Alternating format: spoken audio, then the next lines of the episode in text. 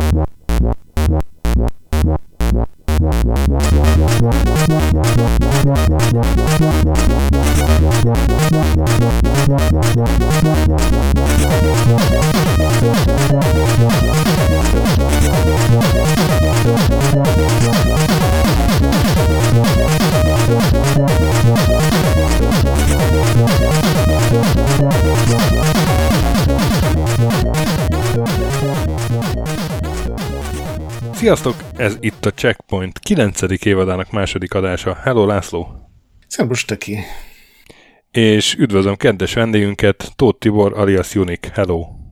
Sziasztok! Szeva! Az elmúlt évadban belekezdtünk egy sorozatba, amiben ilyen portrészerűen mutatunk be érdekes arcokat, embereket, akik ö, valahogy mind a játékújságírástól jutottak el valahogy a videójátékos szakma egyik-másik bugyrába, sőt, akár több bugyrot is megjártak, és most megint egy ilyen ember jön. A bugyorjáró. Tudod, és mint a pengéve, hogy aki, aki eleve a bugyorba született, az, az oh, mozog igazán otthonosan. Én a bugyorban a két, születtem. Az egy két világ között simán átjár, igen. Az a bugyorjáró. Jó, ezt, ezt, ezt még nem hallottam. hát, még mi se. Szerintem most találtuk. szóval El, elég jó. Unique neve onnan lehet ismerős, hogy a PC Guru-ban volt át te ugye Unique. Ha jól lá- látom a LinkedIn profilodon, akkor 2001 őszétől, vagy ősze körül. És aztán utána meg a GamePress Kft. Ez volt az, amelyik a PC Gamest kiadta? Igen, többek között. Jól volt egy igen, pár. Igen, igen. Uh-huh. És, és aztán ugye ott is, ott is voltál. És hát ezekben az időkben mi ismerik egymást, illetve mi csak néhányszor összefutottunk, de Gret meg te azért, azért jobban. És hát, hogy még egy rossz életűt ide kössek, a Sasa ajánlott, hogy beszéljünk veled, mert, mert ő tudta, hogy te hova jutottál el, mi ugyanis nem tudtuk, hogy hát azon túl, hogy te dolgoztál például a Crysison is, te most az egyik legsikeresebb mobiljátékfejlesztőnél dolgozol. Javíts ki a tévedek. Nem, így van. Elmúlt lassan 11 évben. Március 31-én lesz pont-pont 11 éve, hogy ide költöztem Finnországba, és elkezdtem dolgozni a Supercell-nél. És hát ez, egy, ez a mobiljátékfejlesztés, az, ez nekünk mindig is egy kicsit uh, milyen homályos terület volt szerintem, legalábbis olyan nagyon nem ismerik ezt a piaci szegmest, úgyhogy biztos sok újat tudsz majd nekünk onnan mondani a ottani lövészárkok mögül. Bugyrok, stöki, bugyrok. Ja, bugyrok, bocsánat. Viszont hát hadd kezdjem a szokásos nyitó kérdésemmel minden vendégünktől megkérdezzük, amikor először van nálunk, hogy mi volt az első videójáték, amivel játszott Like Ever. Emlékszel erre? Igen, eh, gondolkoztam ezen, hogy azt gondolom, hogy vagy nem biztos vagyok benne, hogy a Ponggal játszottam, eh, de hogy milyen platformon, abban nem vagyok biztos, de az első igazi komolyabb játékélményem az volt, amikor a, a testvéremnek az osztálytársa a szomszédunkban lakott, négy emeletes házban Kispesten, és a, nem emlékszem pontosan, mi dolgozott a lánynak az apukája, de valami olyan helyen, ahonnan a C64-et tudott haza csempészni néha, és a Wizard of War volt a, az első nagy élményem, ahol, ahol ez abszolút elkapott. Na, egy rendes ember. Igen, és utána valamennyire C64-es vonalon is mozogtam, de mivel nekem otthon ZX Spectrumon volt először 48K-s, és utána 128K-s, úgyhogy onnantól kezdve főleg azokat a játékokat toltam végig, ami a, a Spectrumra jöttek. És a, még ha visszatérhetek a nagy, e, e, nagy, nagy játékélményemre, amire igazán büszke is vagyok, a, az egyik első újság, amit, játékos újság, amit elkezdtem olvasni, ugye Spektrum világ volt, és egy, valamelyik számban nem emlékszem, melyikben megjelent egy hír arról, hogy volt egy nagy verseny Angliában, ahol a 720 fok nevű gördeszkás játékot tolták a játékosok, és benne volt a hírben, hogy a valami nagy rekordot döntött az első helyezett, és a játék az megjelent Spektrumra is, neki láttam, elkezdtem nyomni, és ez a mai napig játékos pályafutásom csúcsa, gyorsan csúcsra értem, 12-13 évesen. Körülbelül ilyen tízszeres, tízszer annyi pontot összeraktam. Elkezdtem játszani Junost fekete-fehér tévén reggel, és nem tudom, másnap reggelig nyomtam, és mai napig büszke vagyok rá, hogy, hogy ez sikerült messze lenyomnom a, az, az angol játékosokat. Nekem egy ilyen flash játékos élményem volt, amikor még a flash játékpiac így, így nagyon virult, nem tudom, 2006-7-8, tehát ilyen, az, az is elég jó rég uh-huh. volt már. Kijött ilyen, ilyen gráfrendező játék, nem tudom már mi volt a neve, de volt egy Planality nevű weboldal, ahol lehetett ilyeneket játszani, és azt, azt így megcsinálták rendesen fizetős ilyen prémium flash játékba. És nagyon nehéz volt már vége, de de megcsináltam, és, és az összes, nem tudom, volt ilyen, hogy időre kellett, mindenféle nehezítések, és minden ilyen achievementet ki uh, toltam belőle. Aztán így pár órán belül jött egy levél a fejlesztő cégtől, hogy gratulálok, én vagyok az első, aki a világon ezt megcsinálta. és, és hogy beraknának a hírlevelükbe, és mondjak három idézhető mondatot a játékról hogy Híres lettél. Nekem ez volt, Igen, ez, ez nekem valószínűleg ez volt a csúcs. amikor én, én hát akkor ezt ilyen... inkább úgy kezelem, hogy nekem még nem jött el a csúcs, mert nekem semmi ilyenem nem volt. Várom már türelmesen. Jó, de még, még, még fiatal vagy. ja, még... Csak egyre nehezebb a rohadt százórás játékokba. igen, igen. Hú, és vége az jutott eszembe a szintén spektrumos időkből, eh, nem tudom, ti ismertétek el, volt az Army Moves nevű játék, amiből két rész is megjelent. És vissza oldalra scrollozós uh, jeepet, helikoptert kellett vezetni, és Aha, ja, megvan. Pixel, pixel, pixel pontosan kellett ugrani benne. Igen, igen, igen. És uh, legalábbis ne, akkori énemnek elképesztően nehéz volt, de végignyomtam, annak ellenére, hogy majdnem megőszültem, akkor az is kb. 10-12 évesen, de azt gondolom, hogy arra vezethető vissza, azóta se vesztettem el soha a türelmem egy játékba se, az volt az utolsó alkalom. És, és azóta megvan ez bennem, hogy, hogy nagyon sokáig vissza tudok menni, és ugyanazt a játékot tolni akármeddig, vagy akárhányszor. És ez, ez azt gondolom, hogy ez, ez valamennyire kellett ahhoz, munkád, hogy, ja. hogy ez a munka, igen, ez, ez, itt, itt hasznossá vált uh-huh, később. Uh-huh. Belőlem ez a nyugalom is hiányzik sajnos. Még. Ezt is várt, hogy majd, majd egyszer elkövetkezik. Igen. Nekem az volt az utolsó eset, amikor mm. nagyon ideges voltam az, az, az nagyon durva emlék. Vissza kell, vagy meg, meg kell néznem, vagy esetleg ki is próbálni, most, hogy mostani uh, szemmel, vagy mostani én nem kockáztatnám, uh, hogy reflexeimmel visszajöjjön majd mi kipróbáljuk majd neked, jó, hogy checkpoint minit csinálunk róla. jó, jó, jó, köszi. Hermi moves. Felírtam. Igen. És a játékos létből egyenes út vezetett a játékmagazinokhoz, vagy előtte esetleg tanultál, dolgoztál mást is? Igen, nem, nekem nagyon gilbegúrva út vezetett a, a játékiparba.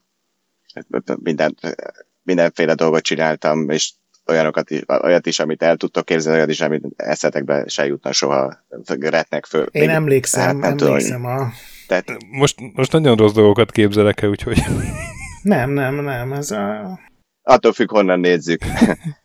Bennem meg, meg volt ez, hogy szeretnék a, a, vala, hogyan a játékipar közelébe kerülni, de amíg a középiskola elkezdődött, és valahogy próbáltunk csajozni, és próbáltunk megtalálni valami módját, hogy ezt hogyan lehetne, és ott valahogy egy kicsit ez háttérbe szorult nekem, mert akkoriban nem, nem sokan játszottak a, csak a, a gékek, meg kockák a, a játékokkal, és valahogy jött az ötlet, hogy kezdjünk el breaktáncolni. Uh, Ez a valahogy jött az ötlet, én erre kíváncsi lennék azért. Hogy...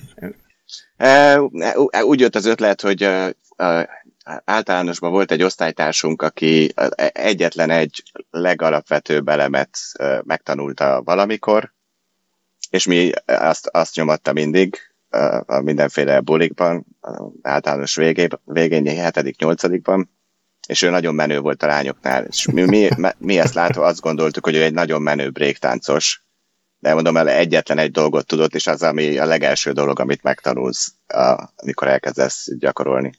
És uh, volt egy buli, felkészültünk rá a középiskola, gimnázium első osztályba, hogy, hogy, hogy fellépünk egy, egy farsangi bulin, ahol ezt az egy alapvető trükköt megtanultuk tőle. Be, be, be, beégtünk a buliban, abszolút. Egy, egy negyedikes, ott az iskolában egy nagyon menő fiú elkezdett minket kifigurázni, és az, ott, ott majdnem vége is lett ennek a pályafutásnak, de másnap a szüleim szólnak, hogy valami lányok felcsöngettek a kapucsengőn, mint kiderült, követtek hazáig a, a buli után. és akkor lesújtott a villám, és, és kiviláglott igen, a lámpa. Jött, igen, és akkor jött ez, hogy ú, lehet, hogy ezt kéne csinálnunk. És akkor onnantól kezdve a játék világ egy picit a háttérbe szorult, és onnantól kezdve egész sokáig azt gondoltam, hogy én ezt fogom csinálni, ez lesz az életem. Mármint és csajozni vagy szinten, brékezni? El, először főleg inkább a csajozás része, de aztán elkezdtük egyre komolyabb venni, főleg azután, hogy ö, olyan szerencsém volt, hogy a középiskolába, ahol jártam, második évben kiderült, hogy az egyik legmenőbb bréktáncos csapatból az egyik legmenőbb táncos oda jár egy évvel fölöttünk. Onnantól kezdve becsatlakoztunk a, a brékes szénába, és eljutottam egészen odáig, bár sosem voltam igazán a, a, a legmenőbb élmezőnybeli táncosok között, de eljutottam oda, hogy indultunk a világbajnokságon Aztán. csapatban, illetve azzal egy időben, hogy akkor már amúgy rendőr voltam, azzal, azzal egy időben a rendőrségtől kivettem fizetés nélküli szabít, és többek között végigjártuk egy vándorcirkusszal Norvégiát. Komolyan. Ez egy szép mondat. Uh, tehát ez... ez... igen, igen. Igen, ez felszaladna a szemöldököm a Rigó utcába, hogyha példamondatként megkapnám. igen. LinkedIn-en nincs, nincsenek fönt ezek a dolgok, ugye az önéletrajzomban annyira ott nem érdekes, de korábban, a, a, a, még most az írott, írott verziójában ott vannak ezek a dolgok, és általában már csak ezért is behívnak egy interjúra, hogy beszélgessenek velem, mert ilyet nem láttak még. És ez, ezután, mikor visszajöttünk Norvégiából, 23 éves voltam, megvolt az, mindenféle platformokon játszottam közben, C64 után, meg Spectrum után jött Amiga, Atari, Game Boy, Super Nintendo, úgyhogy mindenféle játékokat mindenféle platformokon nyomattam azért, de nem ez volt az elsődleges. Viszont miután visszajöttünk Norvégiából, és leszereltem a rendőrségtől, és nem tudom, emlékeztek el még a Hollywood Multiplex mozikra. Persze. De a rendőrségből eleged lett? Ne, nem, nem akartam alapvetően rendőr lenni, nagyon távol áll tőlem, de szülői nyomás ja, értem volt egy részről, másrésztről pedig jött az a lehetőség, hogy ha, ha elmegyünk rendőrnek a, egy másik sráccal, akivel szintén együtt táncoltunk, elmegyünk a rendőriskolába, akkor csak két hónap katonaságot kellett végigcsinálnunk ah, az alapkiképzést, értem. nem kellett végignyomnunk az egész évet, és utána pedig egy két éves rendőrszakközép iskolát kellett végignyomnunk, ahol viszont meg már kaptunk rendes fizetést úgyhogy közben két évig iskolába jártunk. Ez a része csábító volt, de amúgy az egész uh-huh. nagyon távol állt tőlem, tehát többek között én voltam az első rendőr, akinek festett szőkehaja volt, és az a, az a rendőr, aki ha, ha nagyon rákényszerítettek, hogy meg kellett állítgatni kocsikat, akkor e, e, elbeszélgettem az emberekkel, és mondtam nekik, hogy örülök, hogy jót buliznak, vagy éppen nem tudom, mit csinálnak, merre mennek. Nekem ebben nem, nem, nem volt ez meg, hogy uh-huh. ott elkezdjek büntetgetni, meg, meg szórakozni az emberekkel. De mi, miután elmentem Norvégiába, visszajöttem, szüleim azt mondták, hogy oké, okay, csinálhatok bármit, csak ne költözzek külföldre.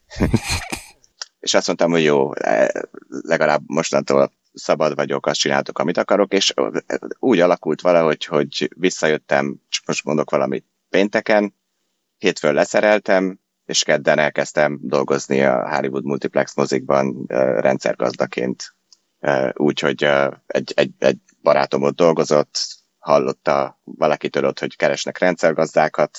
Én ugye számítástechnikai szakközépiskolában jártam középiskolába, de azt mondanám, hogy négy év alatt egyszer tanultam komolyabban, az egy öt perc volt az érettségi reggelén. De az, amúgy egy, egy percet nem tanultam, ugye végig csak táncoltunk, pörögtünk, felléptünk, egy szó, szót nem tanultam végig, úgyhogy olyan sok közöm nem volt a, a számítástechnikához, mint lehetett volna, de raktam össze PC-ket időközben, meg azért láttam a számítógép belsejét, de nem, nem biztos, hogy egy normális interjún átmentem volna, de ott valamiért azt gondolták, hogy oda bepasszolok, és utána ott is, ott is maradtam, a tánc az elmaradt, és elkezdtem elmenni ebbe az irányba. Egészen azt mondanám, hogy eddig kb. sodort az élet valamerre, nem, nem, nem annyira tudatosan irányítottam a, a sorsomat, de amikor jött ez a lehetőség, hogy a, a PC guruba be lehetne jutni, az, arra gondoltam cikkírónak, de uh-huh. mint kiderült, aztán szerkesztőként kezdtem el dolgozni. Jött ez a lehetőség, akkor azt mondtam, hogy oké, okay, e, itt, itt, a, itt a, a, a, az ajtó, és ezen keresztül végre el tudom kezdeni a, a, a játékos karriert valahogyan. És akkor ez 2001 körül volt? Jól, jól, jól látom akkor. Azt, azt gondolom, igen. Nem, nem, nem vagyok jó az aha, számomban, aha. de valahogy úgy. Figyelj, igen. Mi, mi, a... itt, itt most egy pauzét hadd had tegyek, mert, mert én egyszerűen nem tudok elmenni. Amellett, hogy tehát a vándor cirkusz a, a, a tánc az egy, az egy műsorszám volt, vagy, vagy hogy, hogy, igen, hogy igen. a cirkuszba? Igen. Aha.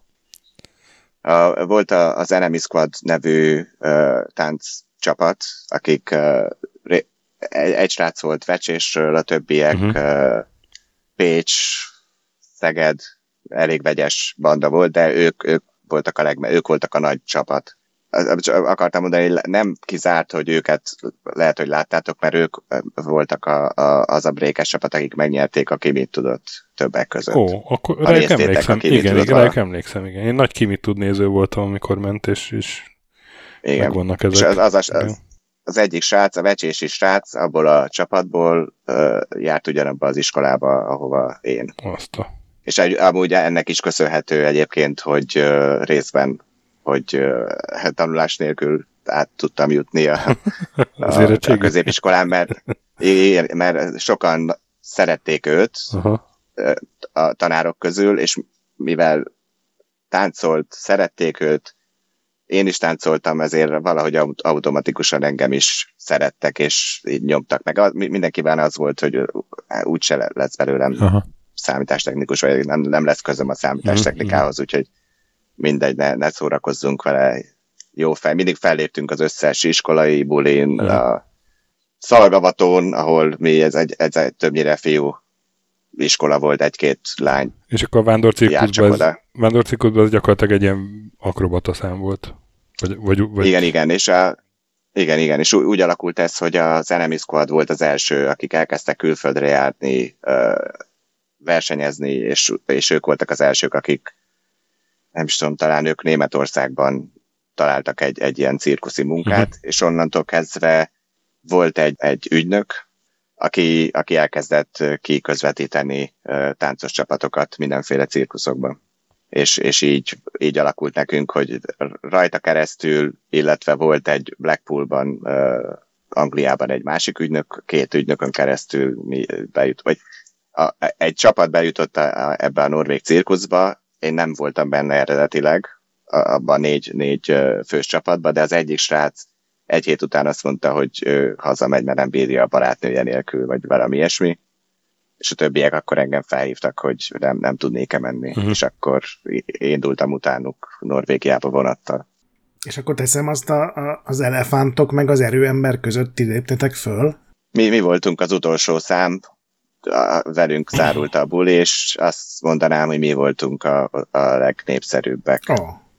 a, a, a nézők között. Úgyhogy mi mindenhol, bár, bármerre mentünk, kisebb-nagyobb kisebb, nagyobb városokba, mindenhol sztárként ünnepeltek minket, meg, meghívtak mindenféle helyi bulikba, helyi fellépésekre, és a végén úgy indult az egész, hogy a délebbi részről ment fel a cirkusz egészen fel a legészaki városba, és aztán onnan visszajöttünk, és uh, Oszló volt az utolsó három uh-huh. hét, egy hónap, és addigra, mire odaértünk, addigra mi összebarátkoztunk a legmenőbb, akkori legmenőbb rap együttessel, Warlocks néven futottak, és ők táncoltak is, és, és aztán Oszlóban, on, mire visszaértünk, kirúgtak minket a cirkuszból, nem, nem sokra rá, úgyhogy még lett volna három-négy, három hét a, a szerződésünkből. De miért, ha egyszer ti voltatok a legnépszerűbbek? valamiért a, a, a cirkuszigazgató nem szeretett minket egyrésztről, másrésztről meg voltak a, a cirkuszban dolgozó munkások, akik meg az, az ő munkájuk úgy nézett ki, hogy reggel felkeltek három-négykor, az egész karavánt átvezették, az összes kocsit, lakókocsit, mindent a következő városba, körbe rakták a, a lakókocsikat, elkezdték építeni a sátrat, fe, belül a, lerakni a manést, mindent, utána jegyet, jegyet árusítottak, elkezdtek jönni az emberek, akkor popcornt árusították, részt vettek a, a mhm, show uh-huh. lebonyolításában, vége lett a shownak, elkezdték lebontani a cirkuszt, és beestek az ágyukba este 10-11-kor. A mi munkánk meg annyi volt, hogy 5 percet táncoltunk uh-huh. a, a show végén, és miközben ők bontották le a, a sátrat, addigra a mi lakókocsink, amiben két szoba volt, két részre volt osztva, mind a kettőben már ben volt mondjuk két-két lánybanda, és egy harmadik, negyedik meg még kintről kopogott hogy valamiért ők lehet, lehet, hogy irigyek voltak, és elkezdtek velünk szórakozni. Már mikor mentünk felfelé éjszakra olyanokkal, hogy tönkretették a, a fűtésünket a lakókocsinkban, lelopták az ablakot lakókocsiról, és ami a legrosszabb eset volt, jöttünk visszafelé, már ez Oszló környékén volt, amikor volt egy, egy ilyen mindenféle lécekből összetákolt táncparkettünk, amit össze, össze lehetett vagy két részre lehetett hajtani, és akkor lehetett szállítani könnyen. És az egyik alkalom, amikor kezdődött volna a show, úgy volt, hogy viszik be ezt a, a placot a, a cirkusz közepére, és valahogy úgy alakult, hogy ketté törték, úgyhogy nem tudtunk fellépni. Oh. Úgyhogy ez volt az egy, e, egyik figyelmeztetés, amit kaptunk, és utána pedig, mikor megérkeztünk Oszlóba, jobba voltunk ezekkel a srácokkal, elkezd, mondták, hogy miért nem megyünk el utcatáncolni velük. Mm. És a Oszlónak a leg, leg központibb, legnépszerűbb terére mentünk utcatáncolni. Még a, ott és, az állomásnál? Igen, igen, mm. onnan nem messze. És uh, benne volt a szerződésünkben, hogy nem, amíg tart a szerződés, addig nem léphetünk fel máshol. És uh, miután ott utcatáncoltunk, jöttek ezek a, a munkások, és uh, felnyomtak minket az igazgatónál, úgyhogy akkor azt mondták, hogy jó, akkor itt a vége. De alapvetően nem, nem történhetett volna velünk jobb dolog, mert onnantól kezdve az utolsó három hétben nem emlékszem arra, hogy aludtunk volna egyáltalán folyamatosan bulisztunk, felléptünk, ezek a srácok szerveztek nekünk divatbemutatón fellépést, egy olyan ifjúsági házban laktunk, szintén ők szerezték nekünk a, a, ezt, a, ezt a lehetőséget, ahol a zenei stúdiótól kezdve a game room, minden volt. Úgyhogy el, elképesztően jó dolgunk volt, és az utcatánccal egyébként meg többet kerestünk, mint amennyit kerestünk volna a cirkuszban. Tök jó. Na, de Úgyhogy ez, ez, ez a sztori. Vissza 2001-be, és akkor a gurunál lettél szerkesztő, és utána volt a, a következő évben talán a Guru Gamer kettéválás. Igen. Ugye? És akkor, akkor te úgy kerültél aztán a, a Bearféle csapatba. E, ja, jól emlékszem? Hát ez, ez úgy, majdnem. majdnem. Innen, innentől kezdve kezdtem el egy kicsit proaktívabban, tudatosabban azt mondanám építeni a, karrierem.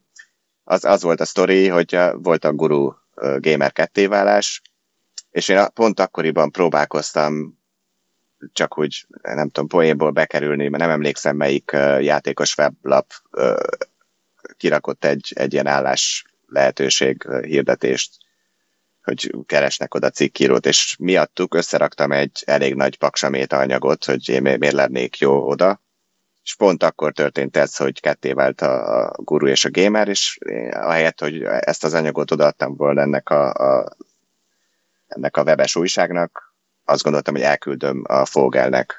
Uh-huh. És abban a pillanatban még nem volt álláshirdetés semmi, akkor ők gondol, abban a pillanatban ezen gondolkoztak, hogy mit csináljanak a PC guruval, ugye megkeresték a Beart, aki eredetileg az egyik alapító volt, és oda nyomták a Bearnak a kezébe ezt a paksamétát, amit én beküldtem nekik. Uh-huh. És a Bearnak ez megtetszett, és megkeresett, és úgy lettem aztán az egyik szerkesztő abban az időszakban, amikor egymás mellett futott uh-huh, a uh-huh. guru és a gamer. Igen, csak a Bearnak ez, volt ez, ez a PC Games nevű site projektje még, hogy egy másik újság, ugye? Igen, hát az volt az ő saját újságja, és, és volt a guru, ami, hogy most melyik hogy volt a, melyik volt a, a fő projekt, meg igen, a side igen, hát a, projekt. Ez... A bear körüli szinergiákat nehéz kibogozni, főleg így 20 év elteltével. De, de te mind a kettőnél dolgoztál, nem? Vagy hát meg még volt a CD.games, meg még a, azok is így. Igen, úgy, úgy alakult, hogy e, először csak szerkesztőként elkezdtem dolgozni, és ott nem tudom, rögtön ráéreztem arra, hogy a, a pörgésre elkezdtem nem mondta nekem senki, hogy, hogy mit is kéne csinálnom, de elkezdtem megkeresni a kiadókat, fejlesztőket, elkezdtem írkálni mindenkinek, és uh, voltak olyan esetek, amikor nem, nem volt ötlet arra például, hogy milyen címlap sztori legyen, és hoztam a, a címlapot, a meg, nem csak a címlapot, hanem a, a címlap grafikát összerakta a, a, a, a játékfejlesztő, aki dolgozott rajta. Mm. Úgyhogy gyors, gyorsan oda bedolgoztam magam, és akkor bear elkezdett egy picit jobban tolni engem, és amikor úgy alakult, hogy a PC gurúba ugye visszakerült az eredeti szerkesztőgárda, akkor felmerült ez a kérdés, Bear mondta nekem, hogy mit szeretnék csinálni, menjek a PC gurúba tovább, és ki tudja, hogy most ott pontosan mi lesz velem, lehet, hogy maradok szerkesztő, vagy nem, nem, nem, nem tudhatjuk, hogy abban az esetben mi lesz, de ha vele megyek tovább, akkor szerkesztőként is esetleg egy-két lapját főszerkesztőként vihetem tovább. És akkor úgy, úgy voltam vele, hogy mm, vele dolgoztam már akkor egy ideje, meg, megpróbálom ezt a vonalat. De a Sasával, ugye addigra meg a Gresszel elég jóba voltunk, és a, a Sasa többször is kérd, felajánlotta mm. utána, hogy nem, vagy megemlítette, hogy nem akarnék-e esetleg a, a guruban dolgozni. De, de aztán úgy alakult, hogy, hogy abban, a, a, abban a felállásban már nem, nem dolgoztam a, a gurunál, csak a, a Bearnak a lapjain. Akinek egyébként annak ellenére, hogy milyen zűrös sztorikat lehet hallani, de én nagyon hálás vagyok, mm-hmm. hogy, hogy, hogy be, be, behúzott ebbe a, a pörgésbe. Ebbe a bugyorba. Pontosan. Igen. És ugye akkor te csináltad, vagy pontosan nem tudom, hogy te voltál a főszerkesztő, hogy ott volt az a PC.games, vagy PC Games, a CD.games, uh-huh. meg volt aztán az a végigjátszásos kódos Game Master is. Ugye ez a három újság volt? Igen, meg a, meg a Play, Playzone, ja, amit Playzone. a, a Stöki említem.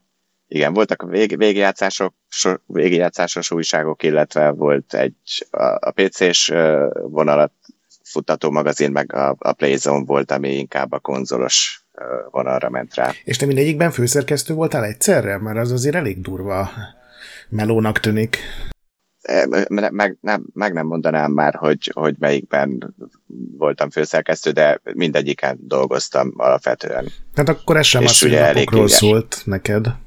Nem, ott elég, elég kemény volt, ott, ott, ott nagyon, nagyon sokat kellett dolgozni, de nagyon élveztem, illetve azt a részét meg végképp nagyon élveztem, hogy a, az el, e, még a, ez még a gurús időbe kezdődött, amikor ugye már ott volt egy, egy csomó régi jól bejáratott szerkesztője Bearnak, akik a, a pc.games-en dolgoztak, és ők kezdték el a, a gurút is vinni, de ennek ellenére, hogy ők már ilyen jobban, régebb óta ott voltak, jobban be voltak járatva, nem nagyon akartak ö, ö, élni olyan lehetőségekkel, amikor mondjuk egy kiadó, például az EA megkeresett minket, hogy hogy nem akarna valaki menni, most mondok valamit, a, a SimCity 4-nek a, a londoni uh, sajtó bemutatójára. És többiek húzták, vonogatták a vállukat, én meg azt mondtam, hogy én nagyon szívesen mennék, én imádok utazni. Igen, milyen utakon uh, találkoztunk é- szerintem sokszor akkor, tájt. Igen, igen, igen, abszolút.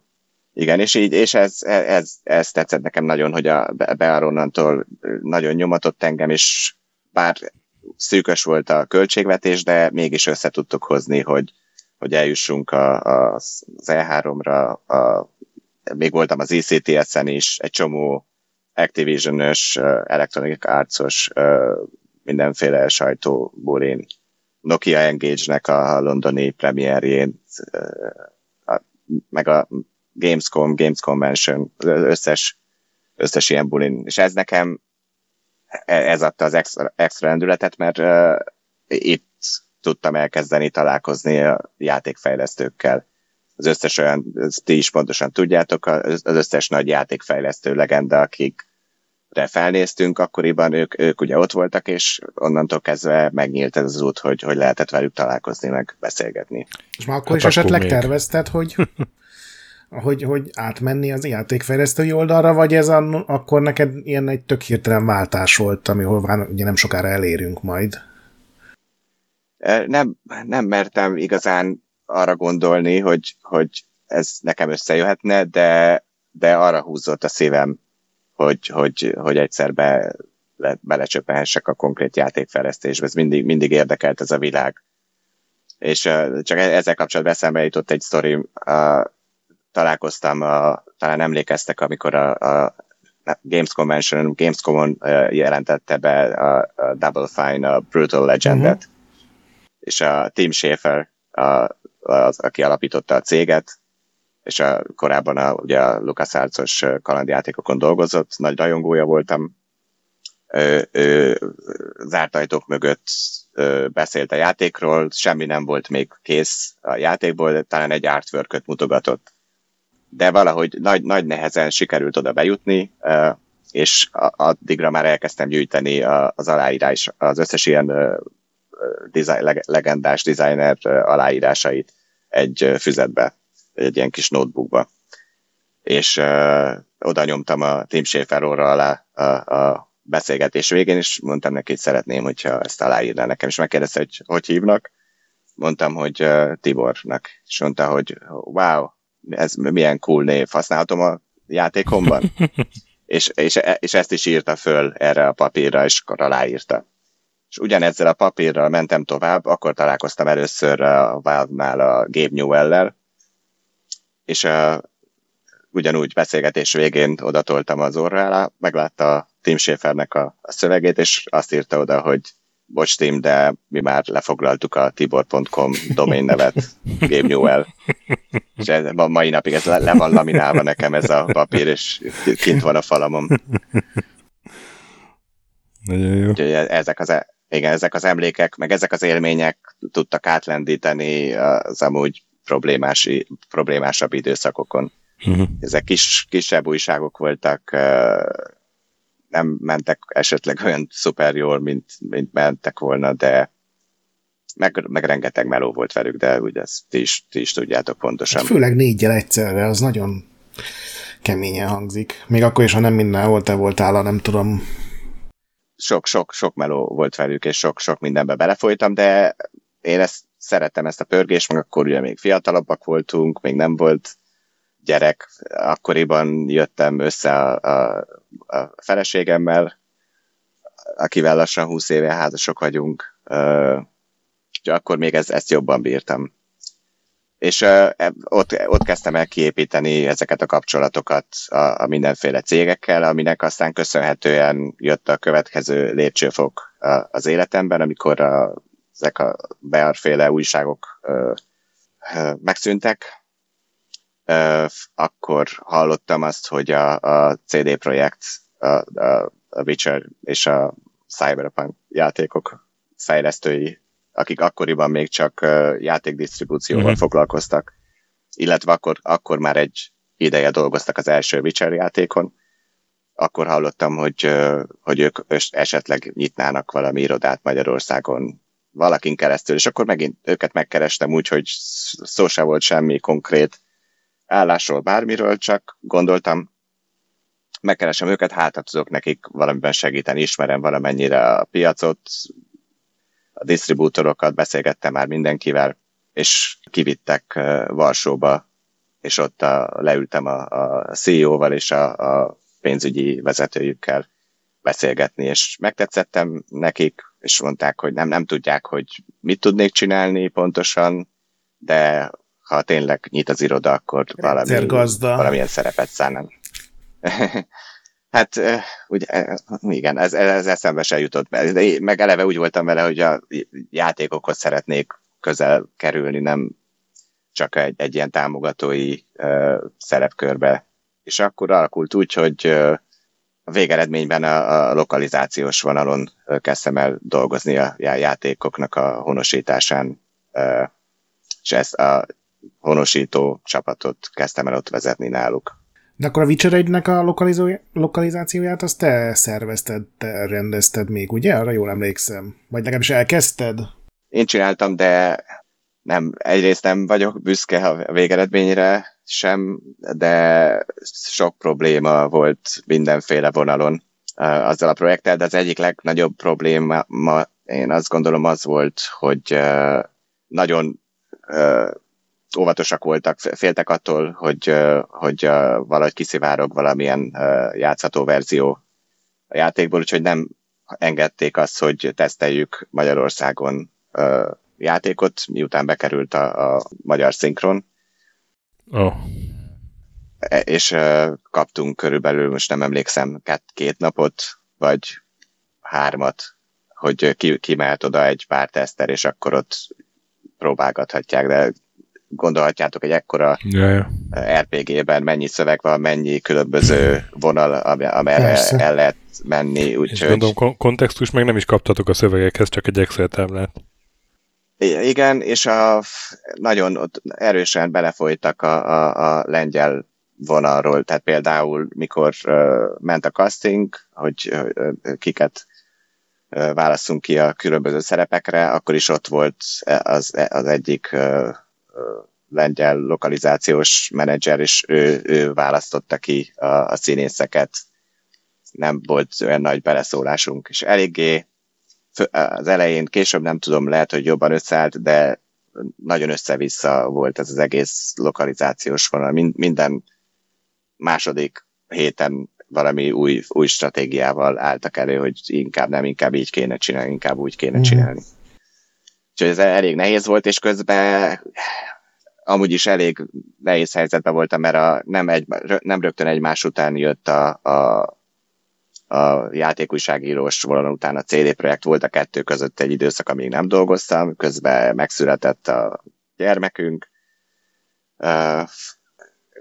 közben mi, mielőtt a CD projekthez bekerültem volna, elindítottam egy, egy, egy online magazint, abban bízva, hogy ha más nem, akkor legalább így sikerül benne maradni a pörgésben, hogy én, én viszek valamit, és próbálok valamit felépíteni. Mi egy bizonyos szintig sikerül, de nem lett soha igazán uh-huh. nagyon sikeres, úgyhogy inkább az is kb. csak vitte a pénzt, úgyhogy ott egy elég mély ponton voltam.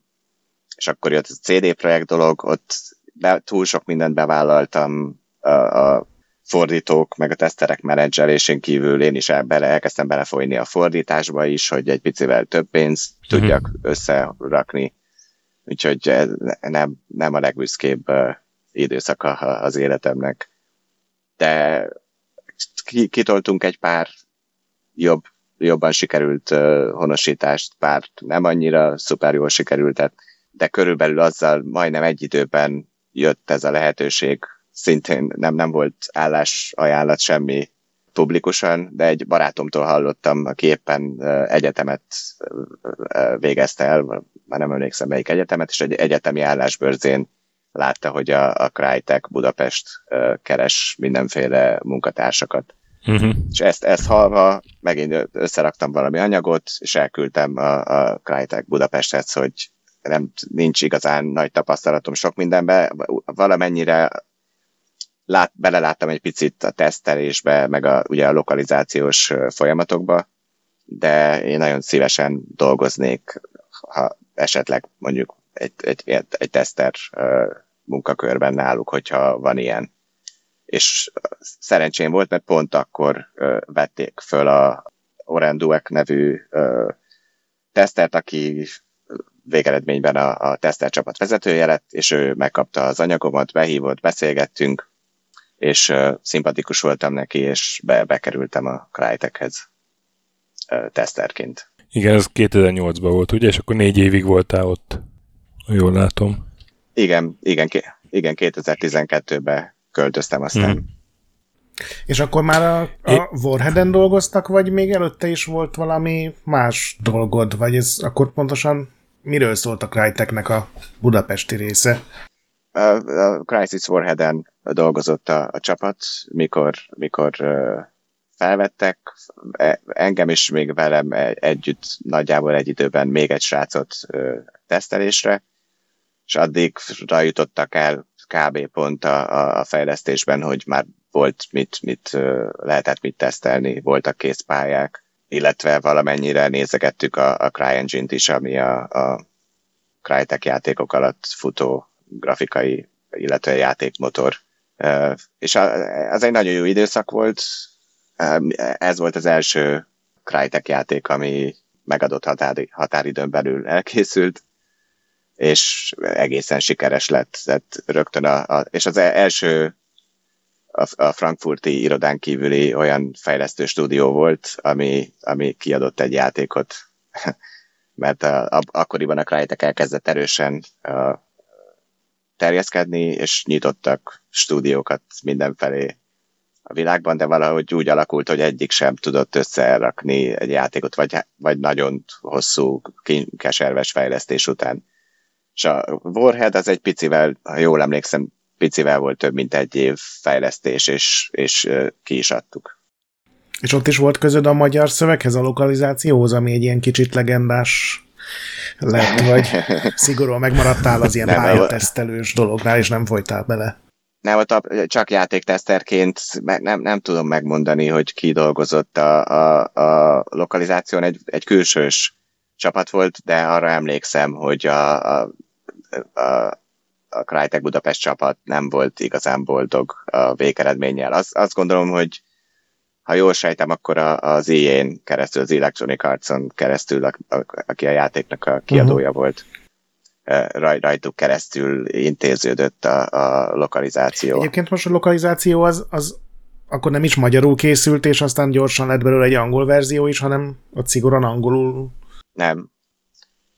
Igen, egy, egy angol, a játéknak az a fő uh, írója, a vezető írója, az egy angol srác volt és a, abszolút a, a fejlesztés, a munka minden angolul zajlott, angol volt a, a, a, az irodai nyelv, nem, nem csak magyar fejlesztők dolgoztak a csapatban, hanem voltak egy pár különböző országban, egy Németországból, de, de másonnan is uh, jöttek fejlesztők, már az, abban az időszakban is, aztán később még, még többen. De abszolút angolul ö, készült a játék, és a végén, fejlesztés vége felé, amikor már bétán túl voltunk, tehát már minden tartalom elkészült a játékhoz, és az elejétől a végéig végigjátszható volt, és ténylegesen megvolt, hogy a, mi is lesz a sztori, mert a, Cry, a Cryteknél nem, nem úgy készültek a játékok, hogy írtak egy sztorit, és aztán lett belőle egy játék, hanem általában ha épültek pályák, és, és aztán arra rá lett illesztve Valaki összekötötte őket pár beszéddel, meg? A, átvezető animációkkal, stb. Igen, igen. Úgyhogy egy picit uh, for, fordítva uh, dolgoztak a, a, ezeken a játékokon. Legalábbis a, akkoriban később lehet, hogy ez változott. És az, az egyik, emlékszem, egyik nagy, nagy uh, sikerünk az volt, hogy a, a csapat megnyerte a, mondom, hogy mi, mi volt a neve, az Oscar díj átadás előtti napon adják át minden évben a, a Visual Effects Society díját, és 2009-ben megnyertük a, a Crisis Warhead-del. Oh. És előző, előző, előző évben a Halo 3 volt a, a, a nyertes. Akkor ez egy ilyen nagy izé, céges ünnep volt nálatok?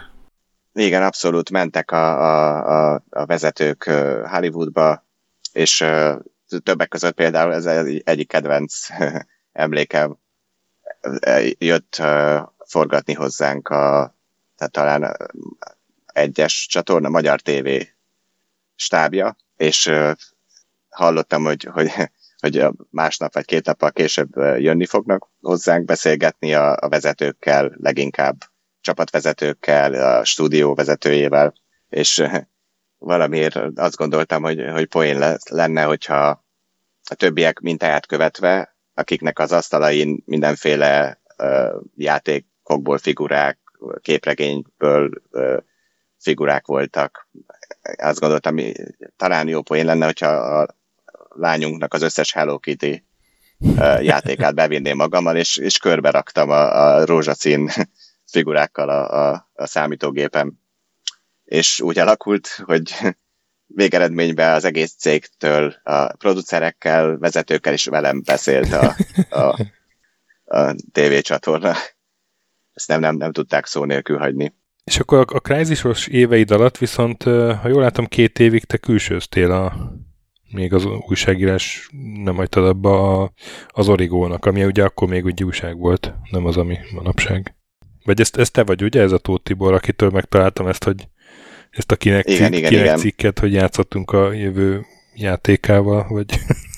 Igen, egyrészt az írás mindig is a szívügyem volt, és szerettem volna azon a vonalon is, vonalon is tovább menni, illetve ugye jó, jó érzés megkapni mindenféle játékokat előre, megjelenés előtt. Ó, az nagyon jó érzés. Igen, és, és igen, és azokat tesztelgetni, játszani, és, és így megmaradt nekem ez a lehetőség, hogy így, hogy az Origónak tudtam cikkeket írni. Hmm. Így egyrészt kaptam ezeket a, a tesztelhető verziókat mindenféle játékokból, másrészt meg továbbra is tudtam mutatgatni a, a mindenféle játékos eseményekre. Úgyhogy ezt a vonalat tovább tudtam vinni egy darabig, de utána ez egyre nehezebbé vált, úgyhogy az egy idő után az, az véget ért az a vonal, de a, játékos vonal az, az megmaradt.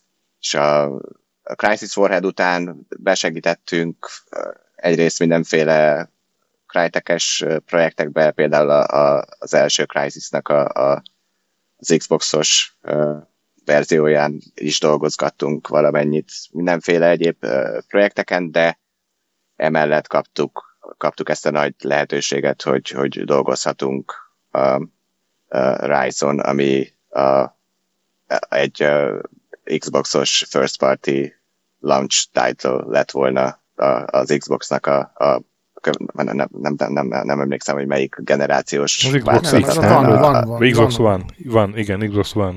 A, azzal egy időben jelent volna meg ez a játék, és na, nagyon nagy uh, tervek voltak, nagyon jól indult az egész, de aztán végeredményben úgy alakult hogy végül a, a frankfurti stúdió átvette a, a fejlesztést, és ők fejezték be a játékot. Ja, az nálatok kezdődött? Tehát ez egy magyarországi projektnek indult?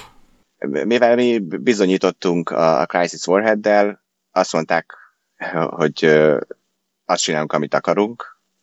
Bizonyítottunk a határa csillagoség, ezt találjuk, hogy mit szeretnénk, de legyen egy uh, eredetileg egy fantasy uh, témájú first person action játék, nem, nem shooter, hanem egy, egy olyan játék, amiben mondjuk kard, karddal, uh-huh. meg hasonló uh, eszközökkel lehet uh, harcolni. És aztán egyre több mindenbe jött a beleszólás uh, Frankfurtból, egyre jobban bonyolódott a, a helyzet, egyre nehezebbé vált a, a, a, a meló. Uh, hosszú, hosszú história, nem akarok mi, mi nagyon bele, belefolyni minden részletbe, de ez csak ilyenek, hogy, hogy PC-n kezdtünk el eredetileg fejleszteni ugye egy fantasy játékot, aztán egyszer csak jött a, az utasítás, hogy legyen inkább egy valós uh, Ró- Rómában játszódó, történelmileg hiteles játék. De ezt így egyszer csak megkaptátok Úgyhogy e-mailben, hogy oké, okay, srácok, ez tök jó, csak akkor mostantól Róma? E, az, az egyik, egyik Jerli, ugye három tesó vezette a céget, mind a háromnak más elképzelései voltak kb. mindenről, és mind a három uh, mikromenedzselni akart uh-huh. mindent. Úgyhogy ez eléggé megnehezítette a dolgokat. És az egyikük megnézte a, a Gladiátort, a filmet, az egyik hétvégén, és akkor hétfőn már nem egy fantasy játékon dolgoztunk, hanem egy, egy ilyen gladiátoros témájú játékon. Advanced Game Design zajlott ott, kérlek. e, igen. Utána jött ez, hogy, hogy Microsoft be társul, és akkor Xboxos fejlesztés lesz. Az, az egy picit ott lendületet adott nekünk, jöttek a, a fejlesztői konzolok, új dolgokat tanultunk, de ha jól emlékszem, akkor valami olyasmi volt az események hátterében, hogy a frankfurti stúdióba felvettek egy, egy csomó embert, a Crisis sorozatnak vége lett, és ott álltak rengeteg fejlesztővel, akiknek nem tudtak milyen munkát adni, úgyhogy nem biztos, hogy száz százalékban igazam van, de azt gondolom, részben ennek köszönhetően alakult úgy, hogy, hogy átvették tőlünk a fejlesztést, és egészen addig a Crisis Warhead megjelenésétől kezdve eddig a pillanatig folyamatosan fejlődött a cég, nagy, nagy tervek voltak, jött egy csomó fejlesztő külföldről hozzánk dolgozni, és aztán onnantól viszont meg elkezdődött a szép lassú leépítési folyamat, ami elég fájdalmas volt, és ez elég hosszú ideig tartott. Úgyhogy megint ott voltam, hogy, hogy nem, ha, ha megint nem kapok fizetést egy, egy ideig, akkor az, az nekem nagyon nagyon be tudna tenni. Éppen kezdtem el kimászni uh-huh. a kátyúból, és akkor kezdtem el ezen gondolkozni, hogy hogyha szeretnék játékfejlesztésben maradni, már pedig úgy gondoltam, hogy szeretnék, akkor lehet, hogy el kellene kezdenem külföldön nézelődni. És ez mondjuk mindig ott motoszkált a fejemben, nem, nem véletlen ugye, hogy mentem Norvégiába is hmm. a cirkusszal, bennem ez mindig megvolt, hogy lehet, hogy, hogy, hogy valahol, valahol máshol kellene élnünk. És pont a, akkoriban három-négy éves volt a, a kislányunk, úgy gondoltuk, hogy mindenféle szempontból ez egy jó ö, idő lehetne ahhoz, hogy, hogy lelépjünk valahova. És, Ez nem jött szóba soha, mond... hogy a Crytekhez menjetek ki Németországba, vagy akkor már így pont eleged volt a frankfurti irodából meg? Nem, nem, nem, nem gondolt, nem, nem, nem mentem volna uh-huh. oda szívesen, megmondom őszintén. Mondjuk ez volt a jó döntés nyilvánvalóan, e, e, így ugye... utóbb, tehát így visszanézve mostantól, de...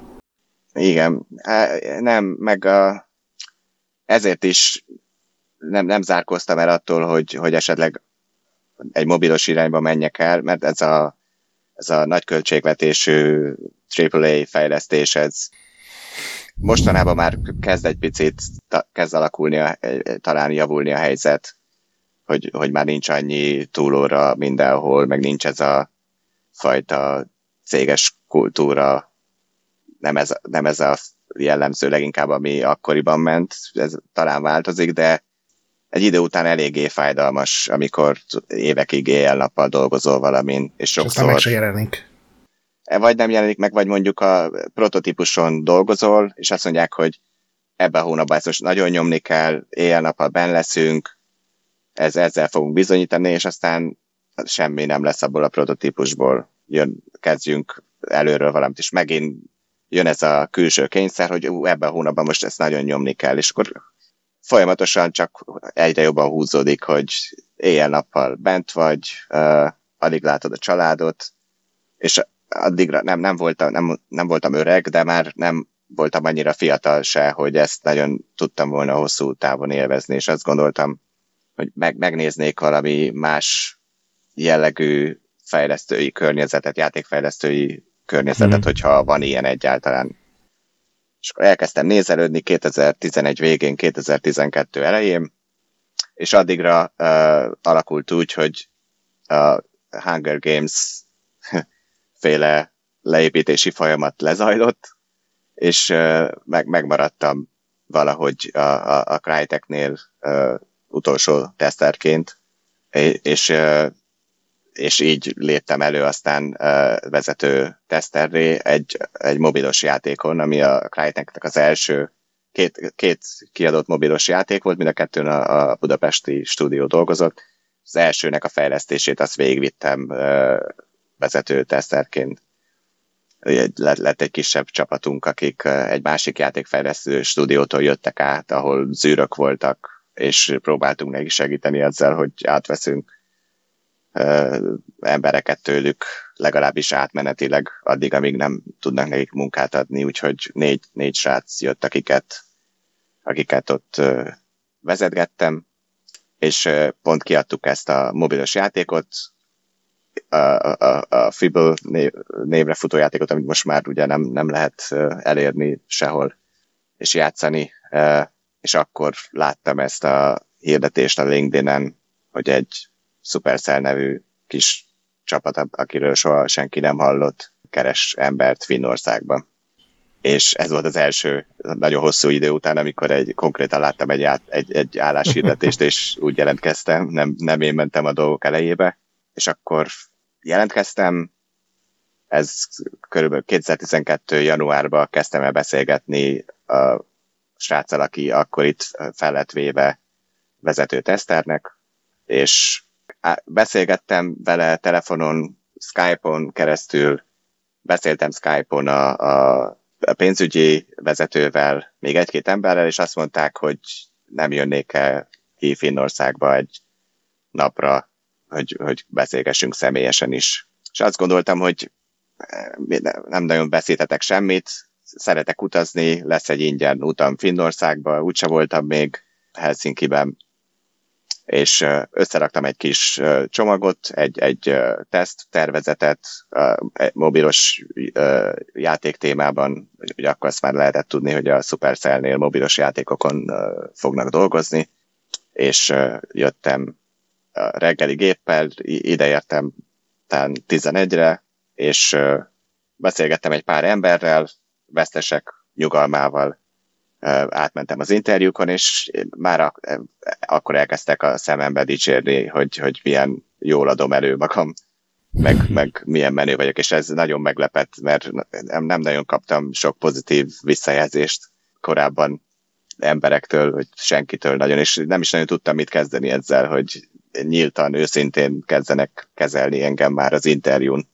És talán olyan délután négyig tartott ez a, ez a beszélgetés folyamat, beszélgetés sorozat, és akkor rögtön mondták, hogy ez és ez lenne az ajánlatuk, hogyha ha jönnék dolgozni. Ez, ez február végén volt, 2012. február végén.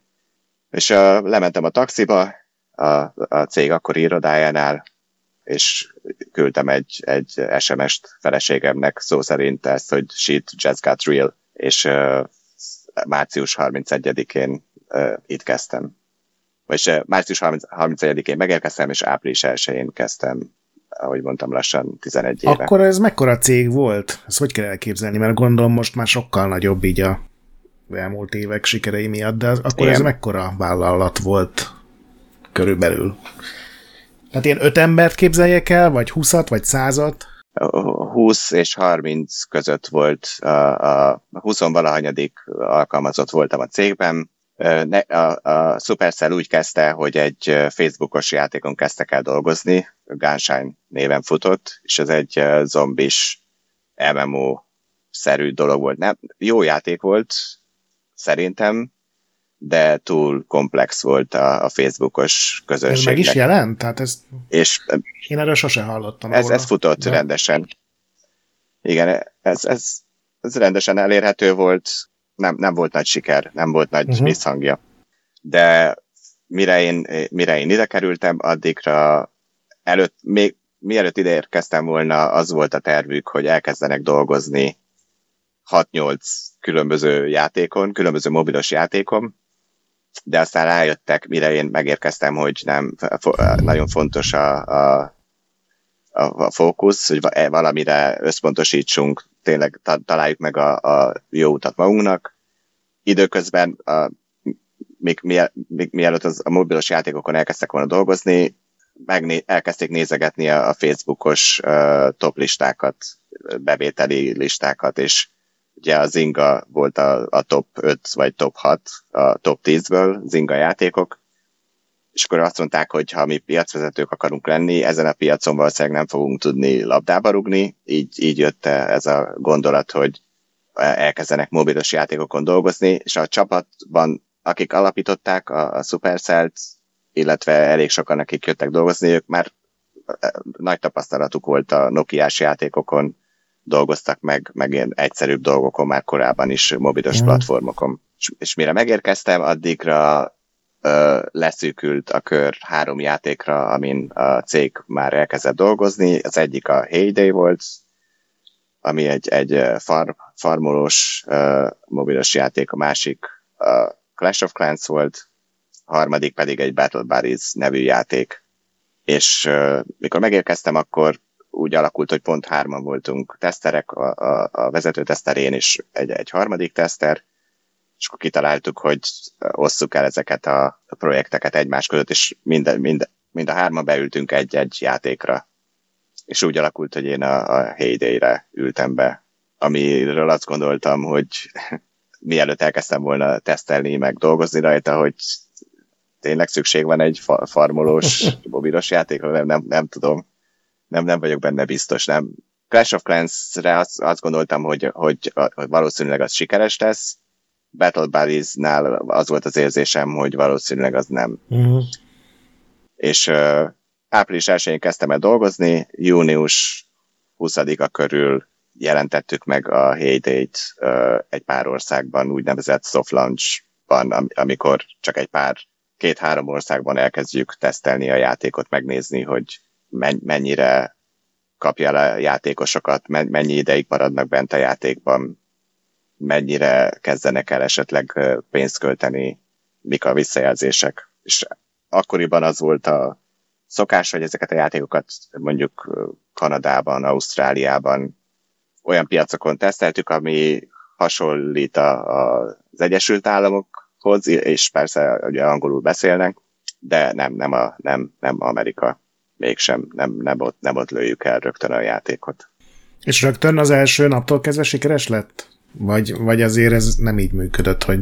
Nagyon gyorsan, nagyon, nagyon beindult. És ugye akkor nekik már volt egy viszonyítási alap mm. a mhm. Gunshine révén, látták, hogy milyen az, amikor egy játék nem akar beindulni, és voltak mindenféle kitűzött célok, hogy mi lenne, ha ezt és ezt elérnénk az első héten, ezt és ezt az első hónapban vannak ezek a, a, a ezek a iránymutató uh-huh. adatok, a, amiket, amiket figyelünk.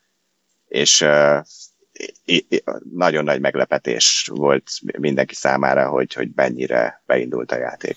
Igen, azt most átküldted a legutóbbi ilyen nagy céges, nem is tudom, missziót, vagy, vagy, vagy helyzetjelentést a Igen, a, a cégvezetőnk minden évben összefoglalja, hogy éppen mi a helyzet a cégen belül, hogy hogy teljesített a cég az előző évben, illetve mi, mi, miket tervezünk a jövőben, milyen irányba. És majd még ezzel kapcsolatban biztos kérdeznék, de itt egy ilyen teljes részletinformációként írja, hogy a Heyday a mai napig összegyűjtött több mint két milliárd dollár bevételt, úgyhogy ez egy ilyen elég durva átütő siker.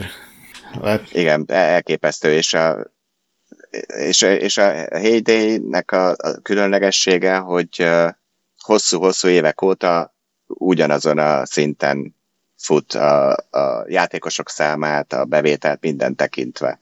Annyira stabil játék, hogy ugye nem, nem a leg, messze nem a legnagyobb mobilos játék, de annyira folyamatosan jó számokat hoz, hogy például a Google, amikor szokott prezentációkat tartani, akkor a Heyday-t szokták felhozni ilyen pozitív példaként, hogy ez, ez az, amit meg kell próbálni követni, ezt összehozni. Hogy nem csak egy ilyen meteor, ami így becsapódik, és másfél évig tök jól hoz, aztán eltűnik?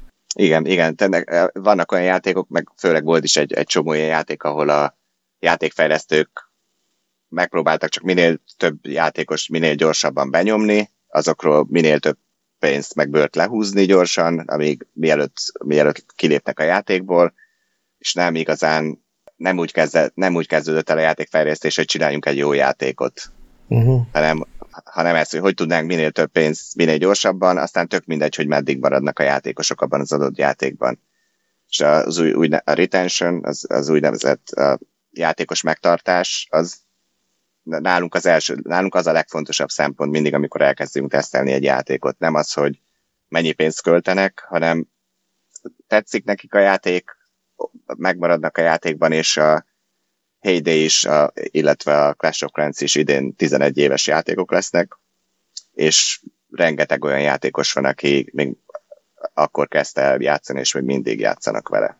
Én kevésbé ismerem ezeket, de ez azt is jelenti, hogy folyamatosan, tehát ezeken ma is aktív fejlesztő csapat van, és új dolgok uh, Igen. kerülnek bele. Tehát ez egy 11 éve dolgoznak adott esetben ugyanazok az emberek a, ezen a játékon, és bővítik, és egészítgetik ki. Nagyjából igen. Tehát ezek a, nem, nem tudom, hogy mi erre a magyar kifejezés, Game as a Service típusú, uh-huh. meg úgy is hívják őket, hogy forever játékok amik neked ki, kiadsz belőle egy, egy, egy verziót, például a Clash of Clans, ugye, ami mind a mai napig a, a legsikeresebb játékunk, ez volt a második játék, amit kiadtunk, az egy hat hónapos fejlesztés eredményeképpen jelent meg az eredeti verzió.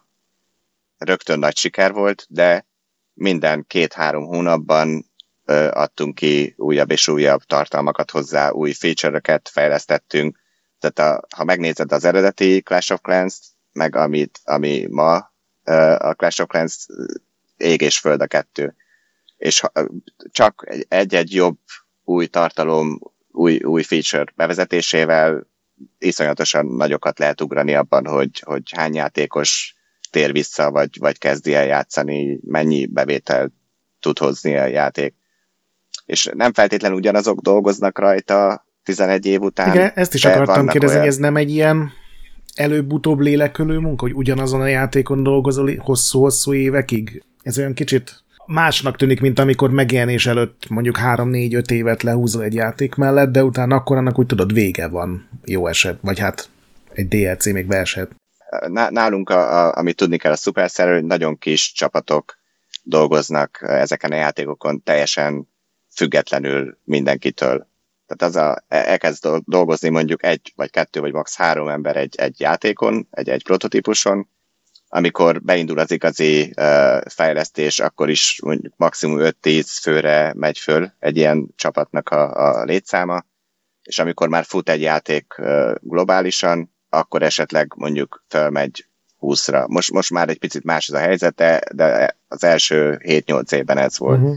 Egy maximum 20 fős csapat dolgozik a játékon, olyanok is, olyan esetek is vannak, amikor mondjuk két ember kitalált egy játékot, ez volt például a Clash Royale, ami Clash of Clans után a másik legnagyobb sikerünk lett később. Ketten kitalálták, összerakták a prototípust, de aztán ők to- átadták a, a konkrét fejlesztést valaki másnak, egy, egy, egy új csapat vitte tovább, és aztán gyakorlatilag egy harmadik csapat volt az, amelyik ténylegesen kiadta a játékot, és aztán ők dolgoztak rajta egy darabig. De azt mondanám, hogy általában max. 3-4 évig dolgozik, többnyire ugyanaz az ember, vagy e, egy ember ugyanazon a játékon. Tehát nincs az, hogy ez, ez nagyon ritka, de talán nincs is rá példa, hogy 11 év után még mindig valaki ugyanazon a játékon lenne. Nem, hanem kitalálsz egy új, új játékötletet, vagy valaki kitalált egy játékötletet, és elkezdett dolgozni rajta, szimpatikus neked, és akkor csatlakozol uh, ahhoz az új, új játékot fejlesztő csapathoz. Kicsit olyan, mint ahogy a, ugye a Valve-ról jönnek ezek a hírek, hogy mindenki oda húzgálja az asztalát, ahová akarja, és... Valamennyire össze lehet hasonlítani a kettőt, de nem teljesen. Tehát itt azért egy picit tudatosabb. Az, az, de nem, nem dolgoztam a, a Valve-nál, de ott az az, az érzésem látva, a, hogy hány játékot adtak ki az elmúlt 10-20 évben, itt, itt picit tudatosabb az, hogy hogyan építjük fel a csapatokat, és, az, és illetve a másik részről pedig maximálisan, leginkább az van, hogy megpróbálunk rámenni a minőségre, és hogyha egy játék nem el kell, eljut egy, egy bizonyos pontig, uh, ahol azt gondoljuk, hogy most, most itt, itt, itt már bizonyítani, bizonyítania kell, hogy ez működni fog és ha nem működik, akkor, akkor kinyírjuk a játékot. Vagy az is lehet, hogy eljutunk odáig, hogy kiadjuk egy, egy pár országban tesztelni, hogy, hogy hogy fogadják a játékosok, megint csak ha nem működik, akkor kinyírjuk. Volt olyan is, amit itt tényleg megjelent néhány országban, és utána lenyakasztatok, úgymond? Igen, több, több, több ilyen játék volt. És ebben te ugye most a LinkedIn-t nézem, és itt te már a játéktesztelés vezetője, vagy egyik vezetője lettél, ha jól látom. Igen, igen, ez úgy alakult. Heyday-en dolgoztam az első három-négy évben, utána szerettem volna tovább lépni, de szere, ugyanakkor szerettem volna dolgozni ugyanazokkal a fejlesztőkkel, akikkel a Heyday-nek az elején együtt dolgoztunk, és pont volt egy csapat, akik összeálltak, korábbi csapattársaim dolgoztak egy új játékon, és általában mi azt csináljuk, hogy mielőtt a, a, egy adott játékot elkezdünk tesztelni egy pár országban, három-négy hónappal előtte ül be arra a csapatra egy teszter. És abban az esetben odaültem, imádtam a, az összes embert, aki azon a játékon dolgozott, de ők addigra már nem annyira imádták a játékot, amin dolgoztak, uh-huh. de, de adtak neki egy esélyt, hogy, hogy próbáljuk meg és teszteljük egy pár játék, egy pár országban. És aztán nem, nem működött, és ki, kész, le, leállítottuk. És sokszor ez, sokszor a fejlesztők is érzik, és, és a, az egész csapat nem, nem teljesen százszázalékig biztos benne, hogy ez, bizt, nem, hogy ez tényleg működni fog. Van, van, van bizalom mögötte, de nincs az a ilyen nagyon, nagyon erős energia mögötte, amit, amit az egész cég érez, amikor egy, egy játékon lehet érezni, hogy ez, ez tutira nagy siker lesz. Clash of Clans az ilyen volt, meg a Clash Royale is. Uh-huh mindenki, mindenki imádta játszani. Vannak nálunk úgynevezett uh, uh, company playable események, ez azt jelenti, hogy a, a csapat összerak egy játszható verziót, és kiadják az egész uh, Supercell, az Supercellben dolgozó összes embernek, mindenki tesztelheti egy hétig. És ilyenkor lehet nagyon jól mérni, hogy ki mennyire uh, lelkes, kinek mennyire jön be ez a játék, és van, amikor nagyon lehet érezni, hogy, hogy, hogy, hogy ebből szinte biztos, hogy lesz valami, mert mindenki éjjel-nappal uh-huh. játsza, és adják a visszajelzéseket. És uh, ennél a játéknál nem, nem ez volt, amin dolgoztam, ezt kinyitjuk, de olyan eset is volt, amikor mindenki nagyon lelkes volt, és mindenki azt gondolta, hogy ez nagy siker lesz, de, de mégsem lett nagy siker, és az olyankor igazán rossz élmény egy, egy ilyen játékot kinyírni, mert mindenki imádja, mindenki imádott dolgozni rajta, de, de még, mégsem működik, és mivel az, az egyik, a, sokáig, nagyon sokáig az egyik alapvető uh, alappillére volt a céges filozófiának, hogy próbáljuk minél kisebbek maradni. Minél kisebbek vagyunk, annál gyorsabban tudunk uh, mozdulni, annál gyorsabban tudunk dolgozni, annál kevesebb visszatartó erő van, meg, meg akadály. Uh-huh. És, és onnantól kezdve, hogyha a cég elkezd kiadni közepesen sikeres játékokat, akkor azt a közepesen sikeres játékot, azt ugye egy fejlesztő csapatnak vinnie kell, mögé kell rakni marketingeseket, meg, meg mindenféle egyéb támogatói csapatokból embereket. És ha, ha ezt csináljuk, ha ezt a vonalat kezdjük el követni, akkor nagyon gyorsan, nagyon nagyra fog nőni a cég. Úgyhogy ez egészen minden a mai napig arra megyünk, hogy, hogy tényleg nagyon-nagyon sikeres játékokat adjunk csak ki, és viszont utána azokat pedig hosszú-hosszú-hosszú évekig támogassuk és eljutassuk minél több játékoshoz. Most mekkora... Most amúgy most lehet ugyanazt akarjuk kérdezni, hogy mekkora a cég most, hogy hányan dolgoznak ott? Most tartunk ott, hogy nem tudok pontos számot mondani, most folyamatosan változik, de 300-400 között vagyunk. Ebben benne van, a Helsinki-ben van a, a, a, uh-huh. a központi stúdió, és nagyon sokáig csak itt zajlott játékfejlesztés, és Helsinki kívül volt, van is uh, irodánk San Franciscóban, ahol a, az amerikai piacra, illetve túlnyomó többségben a nyugati piacokra szánt marketinggel, PR-ral foglalkoznak, helyi dolgokkal. Nyitottunk egy irodát Tokióban, amit egy pár éve bezártunk. Van egy irodánk Seoulban és Shanghaiban. És most jutottunk el oda, egy-két éve, hogy már nem csak itt van fejlesztés Helsinki-ben, hanem uh, Shanghai-ban van egy fejlesztő csapat, akik dolgoznak egy játékon, amit megpróbálunk olyan irányba menni, hogy ugye Kínában jó, hogyha ha sikeres játékot ki tudsz adni, mert csak, csak Kínában iszonyatos játékos piacon elképesztő mennyiségű játékossal megpróbálunk összehozni egy olyan játékot, ami nagyon nehéz, ami Kínában is megy, de a nyugati piacokon is jól tud működni, és ilyen nagyon kevés van. Úgyhogy ott ez, ez a, a, ez, ezt az irányvonalat próbáljuk, illetve tavaly jelentettük be, hogy Észak-Amerikában is nyitunk egy fejlesztő stúdiót, ami egyenlőre még nagyon kérdéses, hogy pontosan ők mit is fognak csinálni, de nem, nem kizárt, hogy ők AAA nagy, nagy költségvetésű játékon fognak dolgozni. Mert mint mobil játékon? Nem, ez, ez PC és konzolos vonalat. Igen, erre is akartam kérdezni, mert ez is szerepel ebben a vezérigazgatói Egyébként sok tekintetben meglepően őszintén ilyen kérdésfelvevő, meg hát ezt még nem tudjuk, hogy hogy lesz. Igen, igen ez, ez volt, ami engem megfogott, amikor, amikor idejöttem, illetve miután itt elkezdtem dolgozni ez őszinteség és a, a transzparencia, az a átláthatóság, hogy mindenki pontosan tudja, hogy mi történik és, és miért.